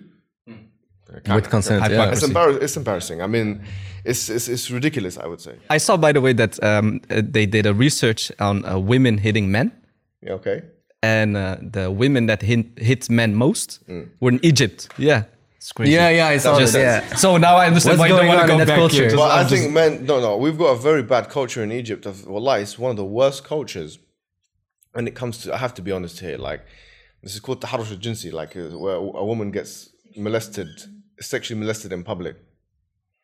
Uh, what the hell is going on here? I, I was shocked to find out that was going on in Egypt. These desperados, like I was in a, in a, I was eating food in the mall, yeah, in Egypt. It's called San Stefano Mall. I was eating a pizza with my uncle. And all I, all I hear is like a woman screaming. I was like, "What's going on?" And she was like, some she's she's going through some molestation or something like that." I mean, it's what, what's Heavy this? stuff, What's, what's yeah, going on here, man? Just broad daylight. It's crazy. No, we have to be like we have to be fair when we talk about these issues and say that yeah, there might be things going, but there is abuses going on. Gotcha. You know, But not to delve into that. But the, the the have you ever felt the sentiment of I just want to leave, man. I'm sick of this Yeah, but what- ex- yeah, I think- rise of far right, etc., etc. I And feel how do like you deal with that? I feel like that all the time, but the where do I leave to? This is the problem. Yeah. You know. Hmm. Uh, you know, li- life is a fight. You know, you have to just you have to put up with it. You have to learn to fight, man. You know, you're gonna you're gonna fight. You're gonna fight mentally, intellectually, and sometimes even physically. You know. They also had that in the Facebook group. People like asking who wants to return to the country of their grandparents, for example. And some people said, "Yeah, I want to go back to Turkey, for example." And guys I know, they're 23, they're born and raised here. I'm saying, listen, you underestimate how Dutch you are. Going to Turkey for four weeks is fun, but living there, the social culture, yeah, yeah. the way there's still um, corruption and stuff, it's. Yeah. I think that living in the Netherlands, for example, is a big gift that we have. Hundred percent, bro. And that's the thing. I I don't associate. I, I had this conversation with myself a few times, as I do uh, sometimes talk to myself, and um, and really, I, I do identify not with the whole of the United Kingdom because I haven't been to all the parts of the United Kingdom. I don't identify with all the cultures in the United Kingdom, but of London culture in particular and cosmopolitan culture in particular. Like you guys might not be able to live in in the Netherlands in certain areas, but and me the same. I couldn't live in the UK in certain areas, but in somewhere like London and stuff like that, you know, if there's gonna be a home, it's gonna it's gonna have to be somewhere like that because we've lived there for. Yasir Qadhi had a really interesting answer to this question. He was asked basically, um, so I want to preserve my Islamic identity, etc., etc. Should I make hijrah? Should I go to another country or not? And he said, the fact that you are thinking about this means we need you. Stay here. those who are most concerned with migrating for the sake of Islam should stay, and those who are engulfed in the fitna of the societies, you better leave. That's we don't need said. you. Yeah, we don't he need said, you. if you are aware of the fact that this society can be tempting for you, but you're trying to preserve your Islamic identity, we need you. He said. Yeah. Really Well, all of that stuff is is very well and good, but I mean, if we're talking about a fiqh ruling, uh, that's not my area, as you know. Uh, talk about hijrah, Sure, sure. as a fiqh ruling. no, we don't need It to. wasn't. into It wasn't. It wasn't ruling. But it was just on a, on a but, mindset but I get the point of you're making, Yeah. and I do. I would add to that that um, every case is different. With someone coming from some parts of Somalia, for example, or Afghanistan, or Yemen, or Syria, they have nowhere to go back to. If you go back to those areas, you have a high chance of death. To be honest with you, I'm not saying all Somalia is like that. I'm not saying all Yemen is like that, but there are parts of Somalia and parts of Yemen which, if you go back to that area where your parents were from, that there's a high chance of death. So, I mean, are they to be compared with someone who's coming from, I don't know, Dubai or something, they live in UAE all their lives and they have, you know, the same kind of luxuries. And if they come to the UK, maybe they're tempted. And so every case is different. And I'm not going to give it. I want to make an interesting uh, bridge, Mohammed. You Yep. spoke about life being a fight, and um, uh, you're doing combat sports, right? you started um, boxing, Yes. and then you went into wrestling, and now you're doing Brazilian Jiu-Jitsu. Yeah. Um, Sinan is a kickboxer too. I've No, been doing Brazilian boxer. boxer. Boxer. Sorry, Oh, boxer. kickboxing. I've been doing Brazilian Jiu-Jitsu for a few months. Yeah, you guys are dangerous here in Holland. We have to. We got Geert Wilders. we need to stay. no, no one's dealing with it. no, Who's dealing with it? No, but honestly, like getting into No, not physically, by the way, Yeah, I mean, but, yeah. yeah. but getting into combat sports uh, was also part of being able to defend yourself when you get to that. How do you feel that um, doing martial arts, combat sports, has helped you grow as a person? It's very important, in my opinion, uh, because you know, for me, like ther- it's therapeutic, right? It's um because what is therapy? I, I, you know, I'm not a psychologist. I've done a psychology A level, right? But I'm a not of A psych- levels. Huh? A lot of A levels. Yeah, yeah, I've done lots of A levels. Um, and I did a bit of it in degree, like you know, just some modules or whatever. But one thing I would say is that what is what is therapy? What is therapeutic? Like a lot of people would think therapeutic would have this kind of conception of laying by the sea in the sun, hmm. you know, going Doing into- nothing. doing nothing. But I don't think that's therapeutic. I think that's it might give your body a rest, but it doesn't necessarily give your mind a rest. And I think the best distraction to distraction is distraction itself, right? And I know that might sound a bit like circular, right? But I, I don't think it is circular because it's different distractions we're talking about. So if I want to distract myself from Um, Day-to-day issues. the, the things I'm thinking about all the time, I try and find distraction in something which I will be forced to think about something else in doing. So I'm I don't want to think about, let's say for example, my brain has been fried from thinking about, you know, liberalism or something. and when you're on the mat, almost getting choked, you're not Yeah, thinking about. You're not thinking about that. You just wanna some- survive. and Some- some "Oh, guys ah, I've try- got to finish my study. Yeah, yeah. just wanna some, survive. Some guy Yeah. wants to take you down, this and that. You're gonna sprawl. You all you're thinking about how to survive the round or whatever. You know, or even when you're thinking about the techniques, you're you're you're, you're thinking about something else. So for me, that's a it's a great therapy. And it's also physical, like you know, you feel like you've done something at the end of it. It's, it's better than just going for a run or something like that. Which, by the way, for me is not a good idea because quite a heavy guy, and it doesn't it doesn't that's not good for my knees. Yeah, so I saw one of the videos you did where you had the Brazilian Jiu Jitsu competition and you had a conversation with another guy who did Yeah, Brazilian Jiu Jitsu, yeah, right? yeah. And um, uh, one of the things I really noticed uh, doing Brazilian Jiu Jitsu is it teaches you to just face with challenges. Like you need to face it head on. If you're gonna roll with someone, you're gonna spar with someone, there's no way to escape it. So you just need to face it. And like you really interesting, interestingly said, it's a metaphor for life, right?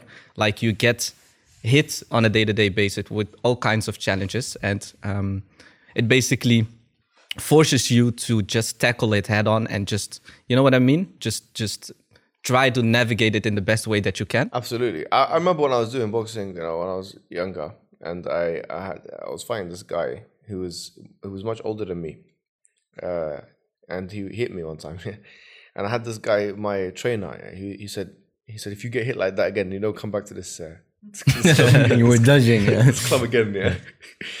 but he was a heavyweight, like he was proper big, and we were heavyweights at that time.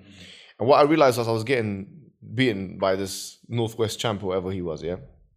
And my head was snapping back, and I was, I was thinking that this is having an effect on my brain, you know, like boxing. The thing, the problem with boxing is that for someone who's interested in developing themselves intellectually, it actually there is a lot of studies that show that it does have an effect on your brain.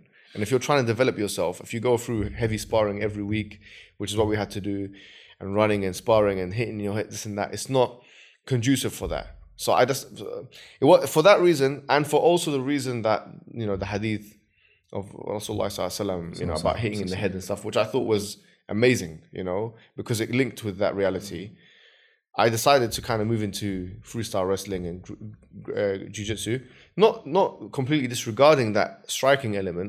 I still do striking classes, I still do things like that, but I'm not as um, focused on it. I would say right now. And I feel like the discussion about doing combat sports, doing martial arts, is not uh, something we find really a lot in the Muslim community. So we often need to go to people who are not Muslim and to listen to these conversations, right? You turn to a Joe Rogan because they talk about Oh yeah. martial arts and Brazilian jiu-jitsu, etc. So, what would you advise Muslims to do as a combat sport, right? So, people who want to defend themselves. Yeah, I think jiu-jitsu, man. Uh, jiu-jitsu with with a bit of strike, light light striking, knowing what to do with the striking, and knowing what to do with um, wrestling, wrestling or jiu-jitsu. If if it's a big person, if the person's over, like if it's a man, if it's a boy that's probably going to grow up to be a like, then wrestling is very good. If you're thinking about protecting yourself, about you know, if for everyone though, jiu-jitsu is great, even for a woman, uh, even for a woman against a man, I would say, because you can. It's very conceivable. Yeah, and for people who don't know what As you Brazilian know, jiu-jitsu is, it's grappling on the ground, right? Yeah, a woman Using can beat a man quite easily if she knows the techniques, even if he's bigger than her. I've seen some women like they. You shouldn't be watching that, bro.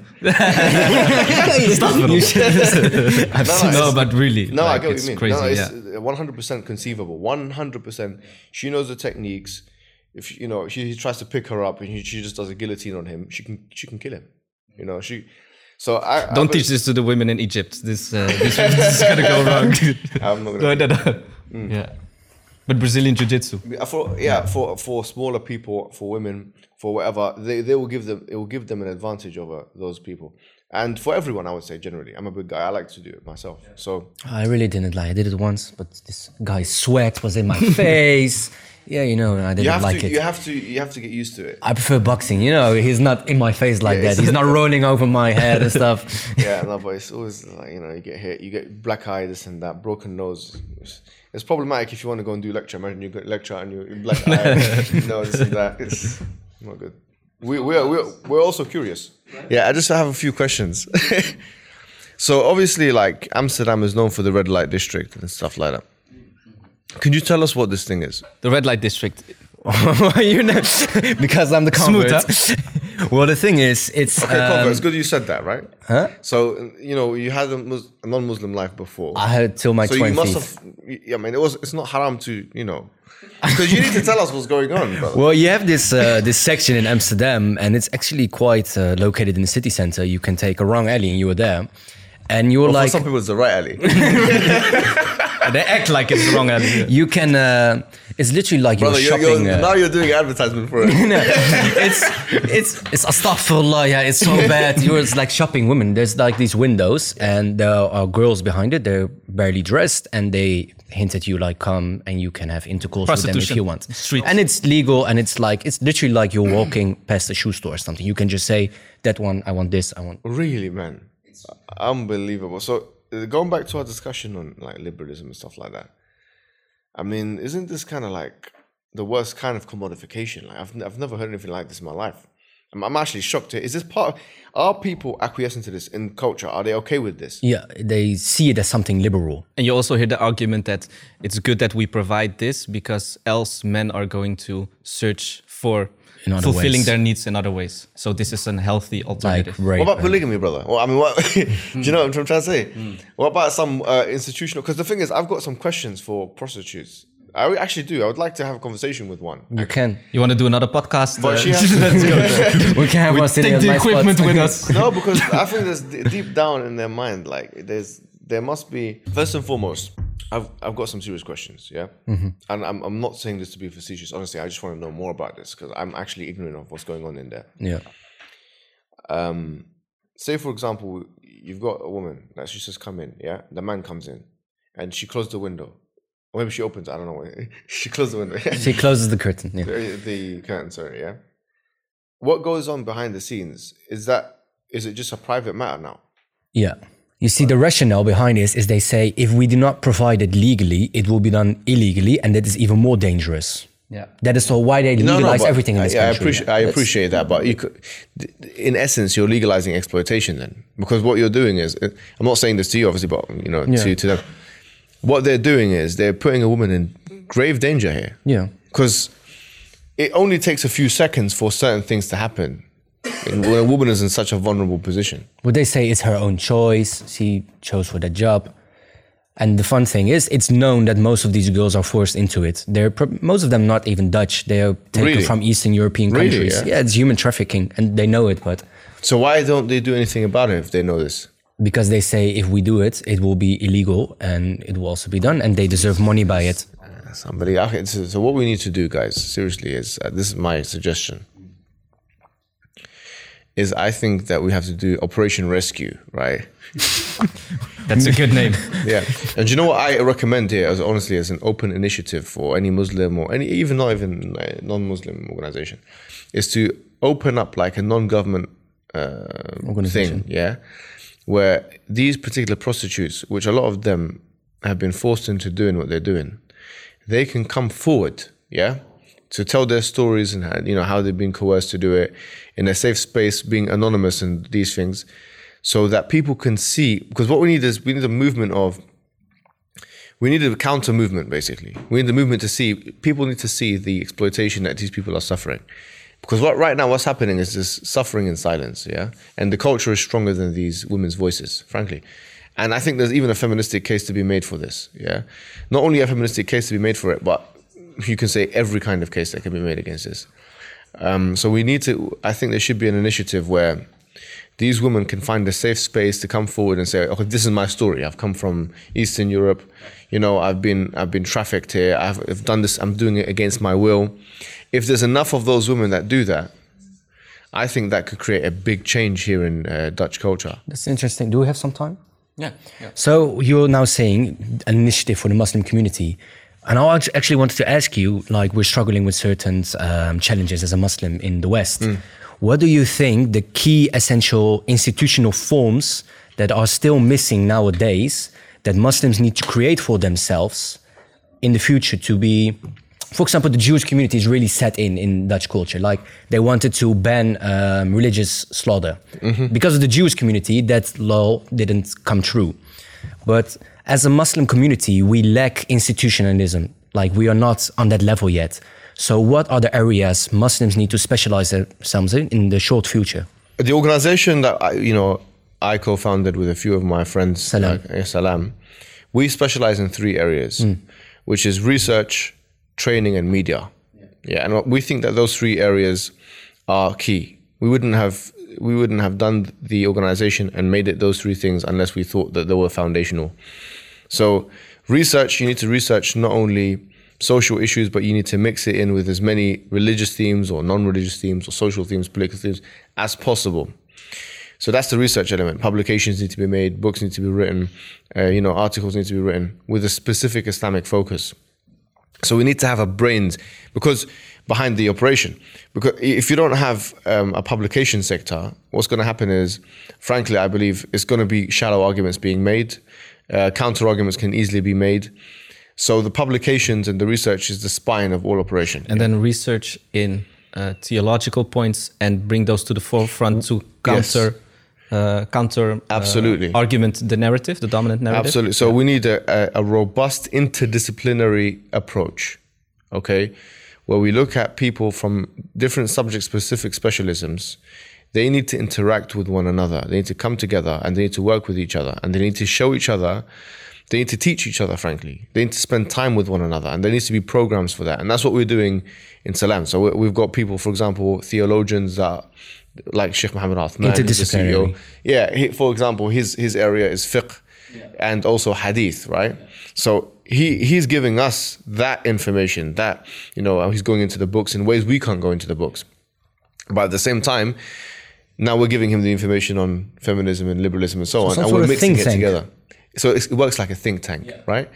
But it's interdisciplinary. So a think tank sometimes usually is focused on one or two cause Yeah, yeah, groups. yeah. This is we're really thinking, okay, let's bring the scientist in, let's bring the you know the political philosopher in, let's bring you know whoever it is we need for these issues to be solved in, and let's bring them together and let's create publications and let's have the arguments there. So right? that's research. So What that's research. training do? Training now you need to train people on those arguments. Okay, which is hopefully we can do that. Um, and we've been doing that, right? So we go around and we try and get people from different countries and we train them on the arguments on a basic level. Now they don't have to have the deep research there or deep understanding, but so long as they can defend themselves. And training should be specific to groups, but also to our family members as well. So we need to train our family members Why? because if they once again going back to my life story you know when our children go to school and the science teacher is telling them about the big bang theory you know then they can say what happened before the big bang you know you know uh, explain to me what happened or how did the big bang come into existence how can you explain the emergence of the big bang Smart six-year-old kids. yeah, no, no. Honestly, all they need is one question, and it will put, it will throw the cat in with the pigeons, right? It will put the spanner in the woodworks. It will, it will disturb their, it will destabilize their way of thinking completely. One question that you know, I remember one time, wallahi, I was working in a school in South London, and um, the woman was trying to use. There was a particular teacher. She was an RE teacher, and she was trying to use evolution. I was working now, right? Not a student, and she was trying to use evolution as a way of undermining God's existence, right? She's making the argument. So I spoke to one of the kids who came out of the of that class, year nine classroom, which means he was about 14 years old, and he was he was telling me about the argument. I said to him, "Ask her one question, yeah." And keep asking her the same question, which is how does evolution undermine the existence of God? So he kept asking her that question until she gave up. she couldn't answer It's just one question. Yeah. But it was it was a 14 year old asking that question to the woman, and she just felt, you know what? He's got a point. I know where he's coming from. I know the argument. He knows the argument. I can't do my propaganda. For him, it's more important to see that she cannot answer, right? He doesn't Yeah. need the answer. Yeah, he just yeah. has to see she doesn't have all the Right. answers. So training is is specific to certain groups that can carry the message and do, but also to our families as well. So we said one is is Research. research, training, training. and media. Yeah. Now media is a very important thing, but you can't have media without you can't have people to speak to if you don't have anything to say, right? And what's your vision for good media? Because there are all all kinds of media, right? You have YouTube videos, you have television. I Uh, think what you guys are doing is good. I think social media is really it's a cheap and effective way of getting to as many people as possible. We have found, right? And it's competitive to the extent whereby it can outstrip the numbers you would get on satellite uh, TV. traditional media. Yeah, one hundred percent. So social media is, I think, the bypass, and I think it actually could be the ticket for us to be able to put forward ideas that we would never have dreamt of being able to put forward twenty years ago, let alone fifty or hundred years ago. Because we have bigger reach. Yeah, it, it, it just, you know, the, all we need to do is know how to deal with social media now. Now, if you can make a station or radio station or a television station, in the UK it's very expensive. We know the numbers. Sky Digital, you know, which is one of our main things, it's about a million pounds to have a license. Million sterling pounds, which is a lot of money, and run, uh, startup costs and uh, uh, uh, you know, and frankly, I'll be totally honest with you. Some of those channels on on Sky, you know, on social media, we're doing better numbers than they are. Yeah. because also on demand, right? Yeah, no, you can look it that. up when you want. Yeah, we, we want to do numbers so we can get to as many people as possible to change as many minds as possible in order to to reach to put Islam in every home. That's all it is. We're not doing it for fame. We don't give a damn. Anyone who comes forward with an argument for God's existence, for Islam, for the Prophet Muhammad SAW being a prophet, or to help our issues, our social issues, is what we need. And what do you think should be the main subjects discussed when creating this media content? I What should the focus be on? There should definitely be a focus on Tawheed, mm-hmm. 100%. There has to be a focus on La ilaha illallah in the sense that, but La ilaha, as Zakir Naik used to say, you know, the atheists, they, you know, have already got them. He's already half a Muslim. Yeah, Yeah. because we've got La ilaha, and he goes, it's my job to say illallah. know? so, same thing because, you know, he's right.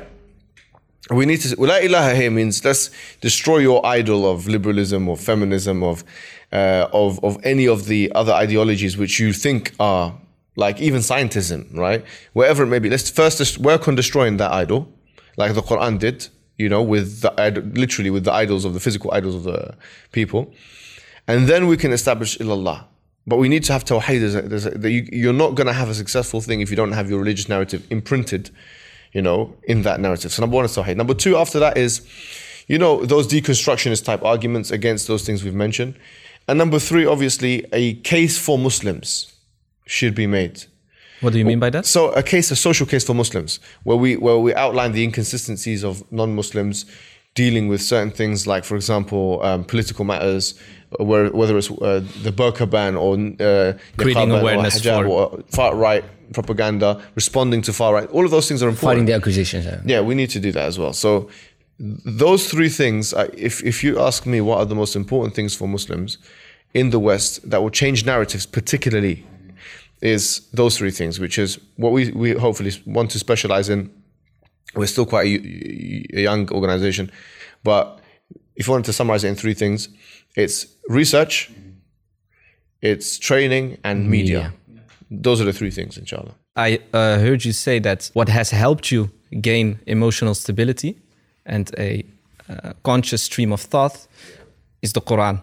The Quran and your prayers. Somebody who doesn't know the Quran and like when you speak from your heart, what's the importance of the Quran and how has it uh, helped you in your emotional well-being? the Quran gives purpose, right? You know, and it gives guidance. And these are two things we need. Um, because when you're in the jungle of life and you don't have a map or a compass, you feel like you are lost. Bro, this is really interesting that you say this. Yesterday, I was reading uh, uh, Seven Habits of Highly Effective People again, the introduction, and he spoke about having paradigms. And your paradigm is the way you view the world, the way you interpret the world. And your paradigm is basically your map.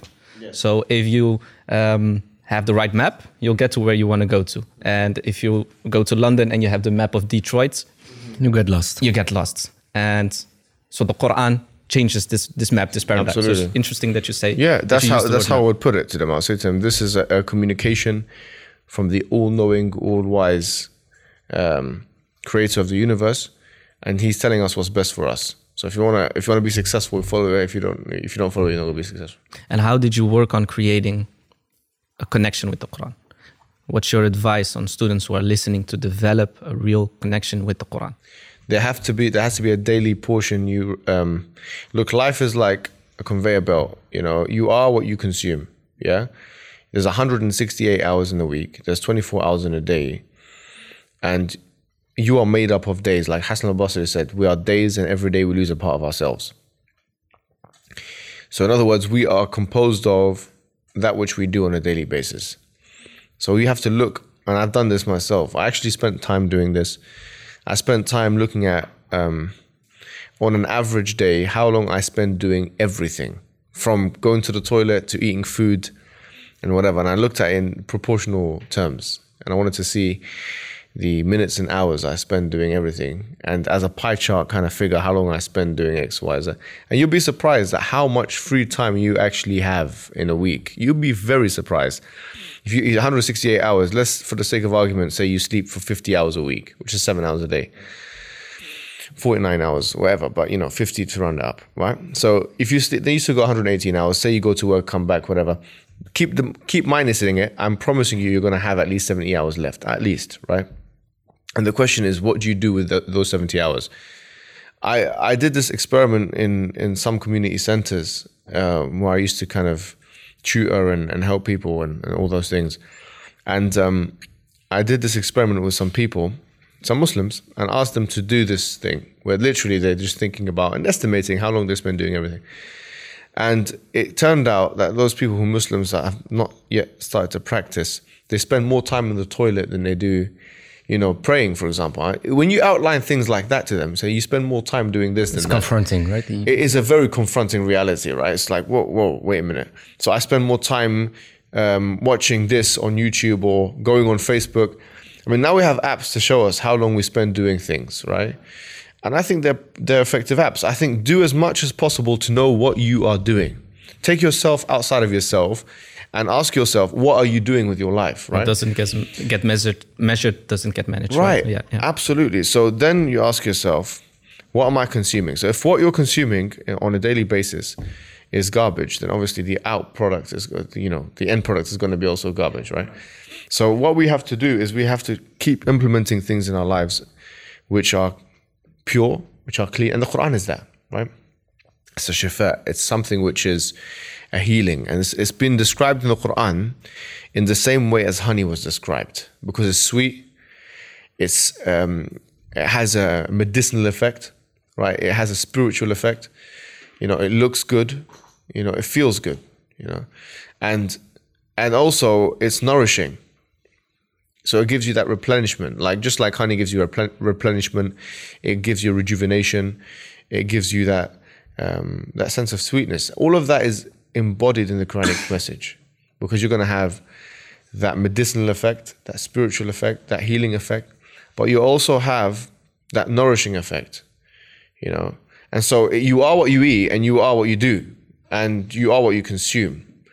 So if you want to be a healed person, a guided person, you know, a person who's who has a spiritual, you know, firmness in their life, then the Quran is the only way to go. The prayers must be the spiritual spine of your daily routine, and the Quran must be the necessary complement to that spiritual spine. And then you can start developing from there. But if that, those two things are not in place and not firmly in place, then it makes no sense to add anything else to your schedule so far some time in doing Quran a day, even if it's 15 minutes or 10 minutes. Like if even if you do 10 minutes, 15 minutes, just do it consistently. Like the Prophet said, the best things are those which are done consistently. Yeah, وإن قل, even if it is small, and you know, so five, 10 minutes, no problem. But just do it, and you'll find you'll see that you know if you if you're someone who's used to eating junk food every day, you know, if you're used to eating junk food every day and you start eating healthy food, you might not like the, your body might not be responsible, uh, responsive to it in the first instance. has to get used to it. But you need to, you need to allow yourself some time to get used to it. If you're someone who drinks Coca-Cola every single day and then you start drinking water, you you might think this is not the, you know, I'm not used to this. I'm not being stimulated in the way I'm used to, right? But what's happening to your body? You're being purified from within. So, in the initial phase uh, period, you might feel as you're doing this with the Quran and so on, that you know I'm working hard to get this right. But you have to do that, and now we're going into Ramadan as well. It's a perfect opportunity for people to do this. Just spiritually detox yourself and clean up yourself, inshallah. And I'll try and take my own advice. But yeah, that, that is the most important thing. And you won't be effective in, in either guidance or guiding people unless you have the Quran as a bedrock of your um, daily routine. So we're wondering, like, extreme right is in the uprising in in Western uh, in the Western world, and I've thought long about okay, what can be the the main causes, and I've got my own theory. Yeah, I didn't test it, and I think that it has been a while since the Second World War, and people tend to forget that peace in Europe is not the rule; is an exception. Before the Second World War, Europe was always in war. That was the norm. Right now, we have a period of 80 years of peace, and um, the generations after the Second World War, they were very left, you could say. They didn't want anything to do with right. And now we have a generation from whom the Second World War is nothing more than just something they read in a history book. And let's be honest, um, extreme right has an allure to it. Like it gives people purpose. It gives them uh, gives them a sentiment of us being against the other. So, what do you think one of the causes can be for this extreme right? I think you've very well summarized some of the main points there. Um, and I think you're totally correct in saying that, you know, the European powers were against each other, you know, throughout World War One, World War Two, before that even, you know, the, the colonial powers, the empires were fighting each other. That was the reason for World War One. Realpolitik, Bismarck. Yeah. right? So it's they decided to okay put our guns down and not fight each other, but unite with one another, and you know let's uh, let's maybe deal with. Obviously, you had the Cold War, which shouldn't be kind of forgotten as well. But after the Cold War, now it's a matter of the United States of America establishing its allies and doing to the world uh, what it wants to do. And I think that you're absolutely right to say that human beings have a tendency to tribalism, you know, and tribalism can be fixed on the um, on the basis of nation, and it can be fixed on the basis of color. And a, a lot of the sentiments we see from the far right, uh, even if it's implicitly, um, for example, racial, it is there. The, the racial element is necessarily there as well, but it's definitely nationalistic. So I think that the motivating factor there is, like you said, a sense of unity, a sense of feeling like us versus them, that you're achieving something you're not achieving. yeah. And the Quran says, وَيُحِبُّونَ أَن يُحْمَدُوا بِمَا لَا يَفْعَلُ You know, they like to be praised for what they don't do. Human beings sometimes like to be praised for what they don't do. Um, when you watch, for example, World Cup uh, football, why do people cheer for, you know, for example, their countries, and they're not involved in that themselves? Is because they like to be they like to be praising something which they don't do. They feel a sense of accomplishment. You might see someone who's you know who We comes, won. Yeah, Yeah. we We won. we won, right? Who is who are you? You didn't get involved in this process. he didn't do anything. Yeah. Right. So they want to feel success through the proxy of some other people, right? And um, and the only way they feel the way they need to do that is to get involved in conflict and to to win the conflict. So they need a bad guy, and obviously right now the bad guy is becoming the Muslim. But also, then a critical question like, do you think there is a blame in our own community for the rise of extreme right? Because if you look at how some of our community members react to, for example, something happens in Palestine or something, and then you see how we react in the streets in the West, we attack a police officer, for example, who has nothing to do with it. So would you say that it has also something to do with the way we react on criticism or things that happen in the Middle East, for example? The thing is, the Muslim Muslims are one one quarter of the world's population. Yeah. If if we're waiting for the time where one quarter of the world's population is gonna act in a completely non-criminal way, Yeah. Then such a time is not going to come. All right. So I, I feel like that is the argument of the far right. That look how you guys react. Who are we guys? We are one quarter of the world's population. We're two billion individuals. You're gonna find someone bad if you're gonna Yeah, search for we're it. not the Jewish community because the Jewish community is is you know 20 million people or something like that. They're not even one percent of the Muslims. We can't make comparisons on a worldwide level between those two communities, for example. And even then, if you did want to make community comparisons, look what's going on in Israel and so on. That's a different discussion. But the point is, what I was going to say was that we shouldn't be blaming ourselves too much. I think that's what they want us to do. But we should be introspective and we should remind people, especially from these kind of pulpits, if you like, and places of uh, influence, we should remind people that you know there is a responsible way of responding to things, and there's a possible, there's a good way of responsible to things. There's an effective way of responding. And what is that exactly? So what, what should Yeah. we do as a Muslim community? It depends. It really does depend on the situation. I can't give you a one size fits all policy. It depends on what's happened, you know, and um, that. So the the response depends on, and it, once again, it requires that multidisciplinary research and then training and then that you know media and all that kind of thing. So I don't think there's one answer, but I think so long as we're making an effort in that direction to make a counter argument or to make an argument, you know, then we can ensure our protection in the future. But if we're not even making arguments, then they're going to make the arguments on our behalf. This is something you said yesterday, right? Yeah. The gay community back then and the black community in the USA back then, Mm. they were screaming a lot louder than we are doing right now. Yeah, because, uh, yeah, but to be fair, I mean, the, the, black community in particular, they went through a lot more than we went through.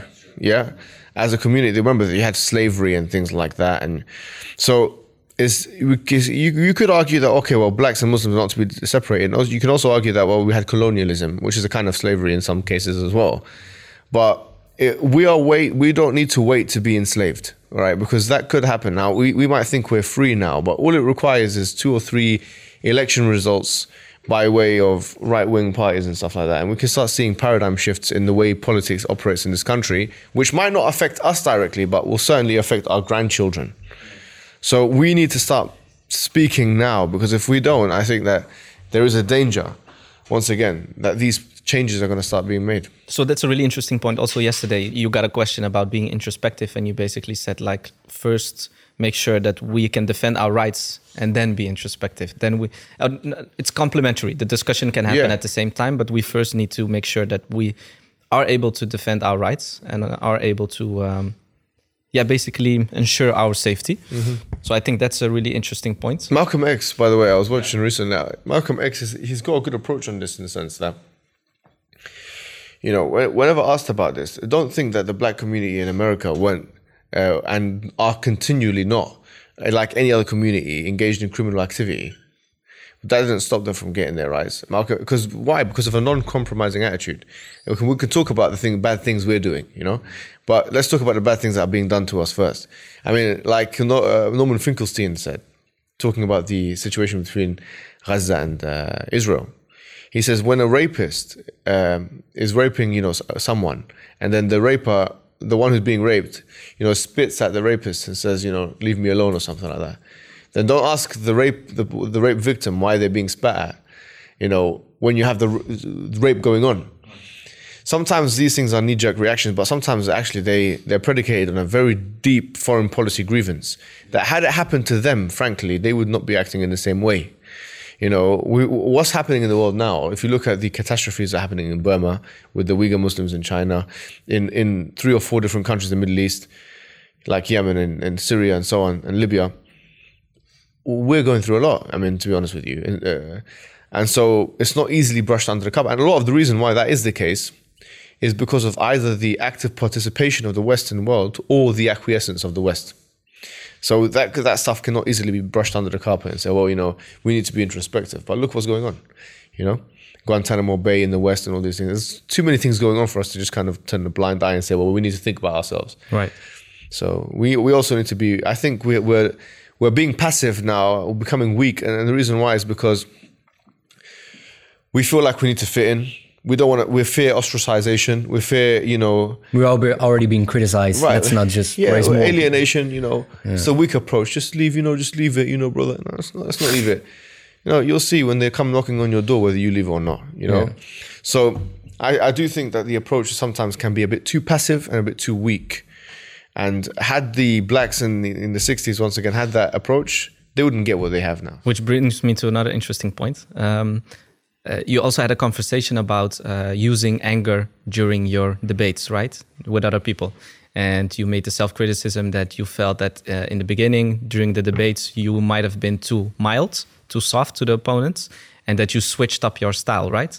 So, what was the observation that you made in doing that? Because I think a lot of starting people, starting um, uh, Muslims doing debates, etc., can fall into the same uh, the same trap. Yes. What was the observation there? I think this is actually a matter of creed. Um, and I, I know it sounds a little bit uh, maybe unusual, but there are some people you need to be angry about and hate for the sake of Allah subhanahu wa ta'ala. Like Allah subhanahu wa ta'ala says in the Quran, لا تجد قوما يؤمنون بالله واليوم الآخر يودون من حد الله ورسوله.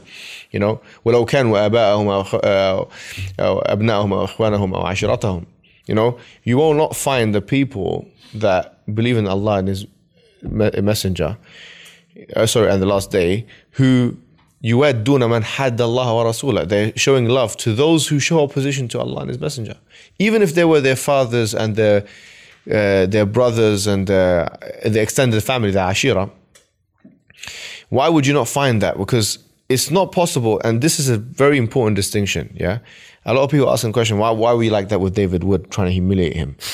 You know, I had an Smash him, like I said. had, a, no, I had an objective to humiliate David Wood, and the reason why is because he was man had Allah wa Rasulah. He was a person who, he was not a he, he was not a person who's just a disbeliever. Mm-hmm.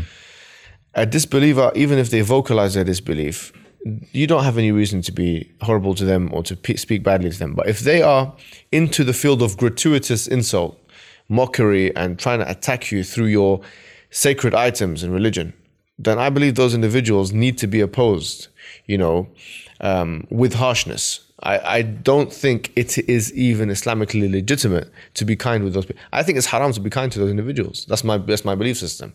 If someone has, has is on the record uh, and they have been uh, they've been uh, mocking of the Rasulullah sallallahu alaihi wasallam, they have been uh, attacking you know Islam and the Muslims, and you're nice to them, that is a, that's haram to be like that in my opinion, because the Quran says لا تجد قوم يؤمنون بالله واليوم الآخر يح- يودون من حد الله ورسوله.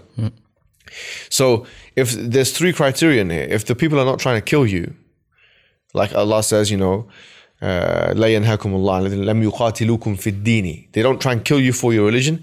ولم يخرجوكم من دياركم. Yeah, and they don't try and kick, kick you out of your homes. And number three, they don't try and uh, uh, oppose Allah and His Messenger.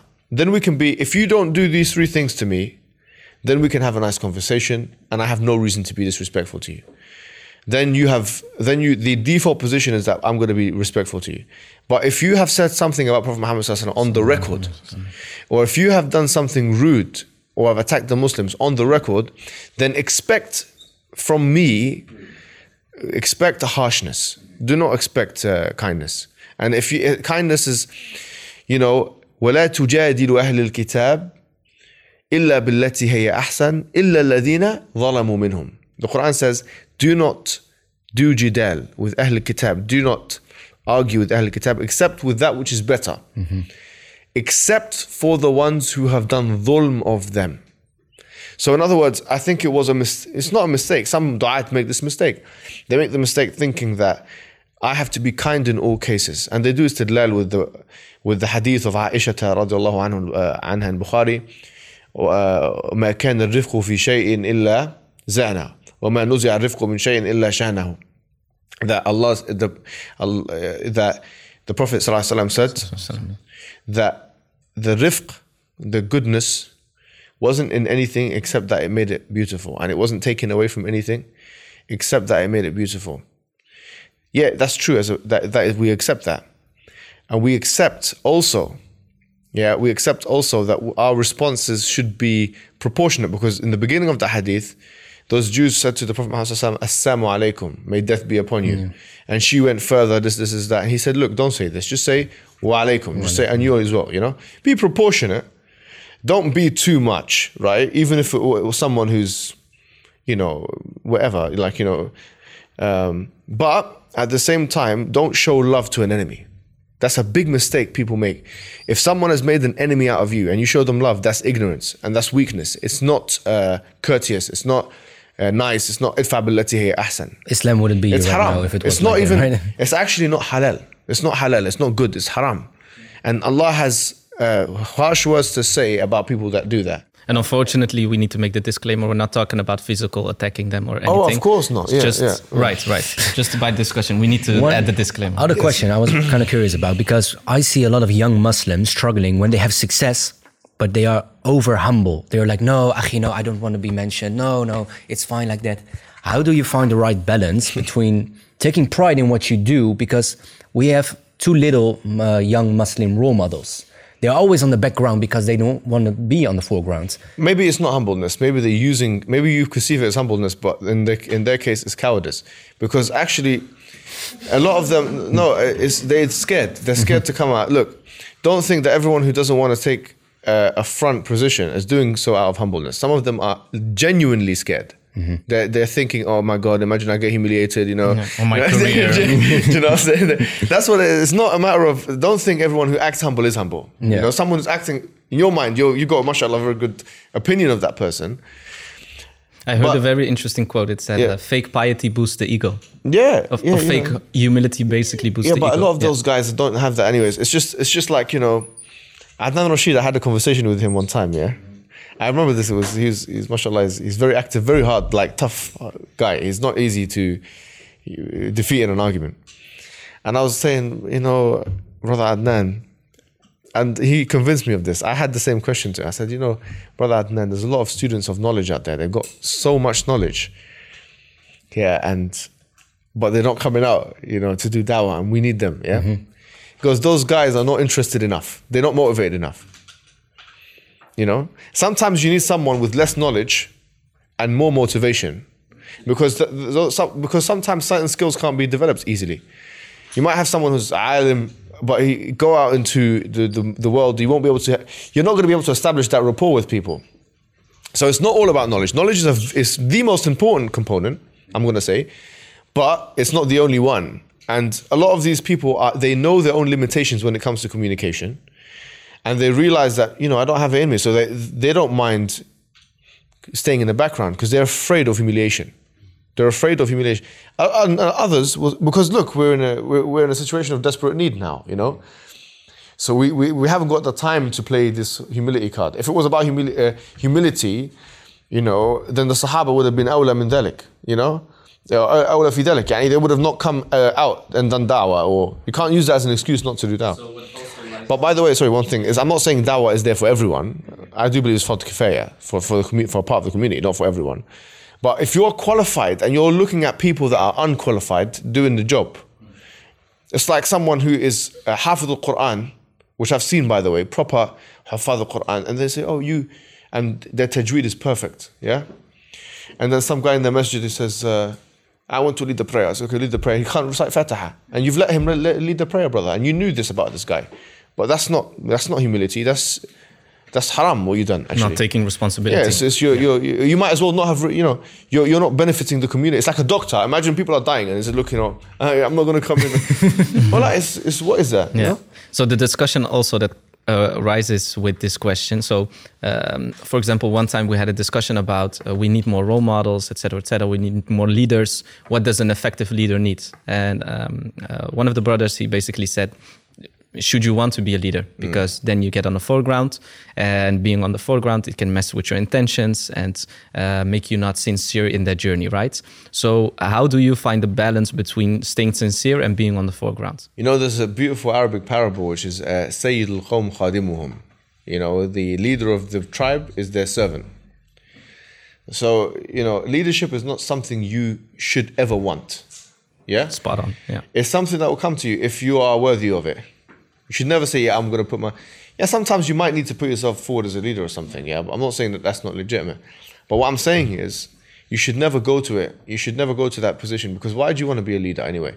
You're going to have enhanced responsibilities. The reason why people want to be a leader, I think, is kind of like the new capitalistic trend. Uh, you know, I'm I'm going to be uh, have more rights, and people are going to tell them what to do. But you have more responsibilities. You know. So I, I feel like being a leader of certain things, it's not desirable. It's not actually desirable to be a leader. It should not be desirable, but it should be that you want to be a lead, a leader in order to serve. So why not serve in order to serve first, and then we can talk about the second bit. Do you know what I'm trying to say? Yeah, yeah, yeah. So if you're not serving in order to serve, then you're being a leader in order to serve doesn't make any sense. But if you're if you're if you have no intention to be a leader in order to serve, and you just want to be a leader if- for the sake of being a leader, then your intention is the wrong place. And how do you manage being on the foreground and staying sincere? Because I this is a constant battle, right? Constantly, you need to do the, the, the basically the purification of yourself and making sure that your intention in the right is in the right place. Do you know who helps me the most with that kind of stuff? My critics. You know, they help me. They they, they take care of that job for me. The people you debate, Yeah, not only the debate, the, the, on the online community. Don't think that you're going to come out and the YouTube comments. yeah. Making You also make your own criticism videos, right? I saw Of one. myself, yeah. Yeah. I'm standing in an, uh, uh, what was it, a pink vest and stuff like that. Like that. That's a nice person. Um, everyone's talking about, but, but um, what I was going to say was, um, yeah, like you know, everyone is already attacking me on these things. Like you don't think that, yeah, some Muslims we're, we're in a you know comfortable environment with Muslim events and stuff like that, shaking hands and stuff. But the truth is, you know, we have also the same amount of people that you like you and like you appreciate what you're doing. You have the same amount, if not more people, actually they hate you. And some of them want to kill you, in fact. so when it comes to that level, and you're you're looking and walking in the street, and sometimes it actually happens. You know, I actually I'm not sure. Did I tell you about this? You might have heard. It. Some guy was knocking on my window in the car. I said this in the other podcast, did I not? No, I haven't heard this. I was driving a car and I was I, some guy started smashing the window. Yeah. So I came out and he went straight into boxer stance. you know, No seriously. discussion, nothing. Let's So go. okay, I mean, uh, no problem. So we got into a fight. so we're gonna do we got into a fight.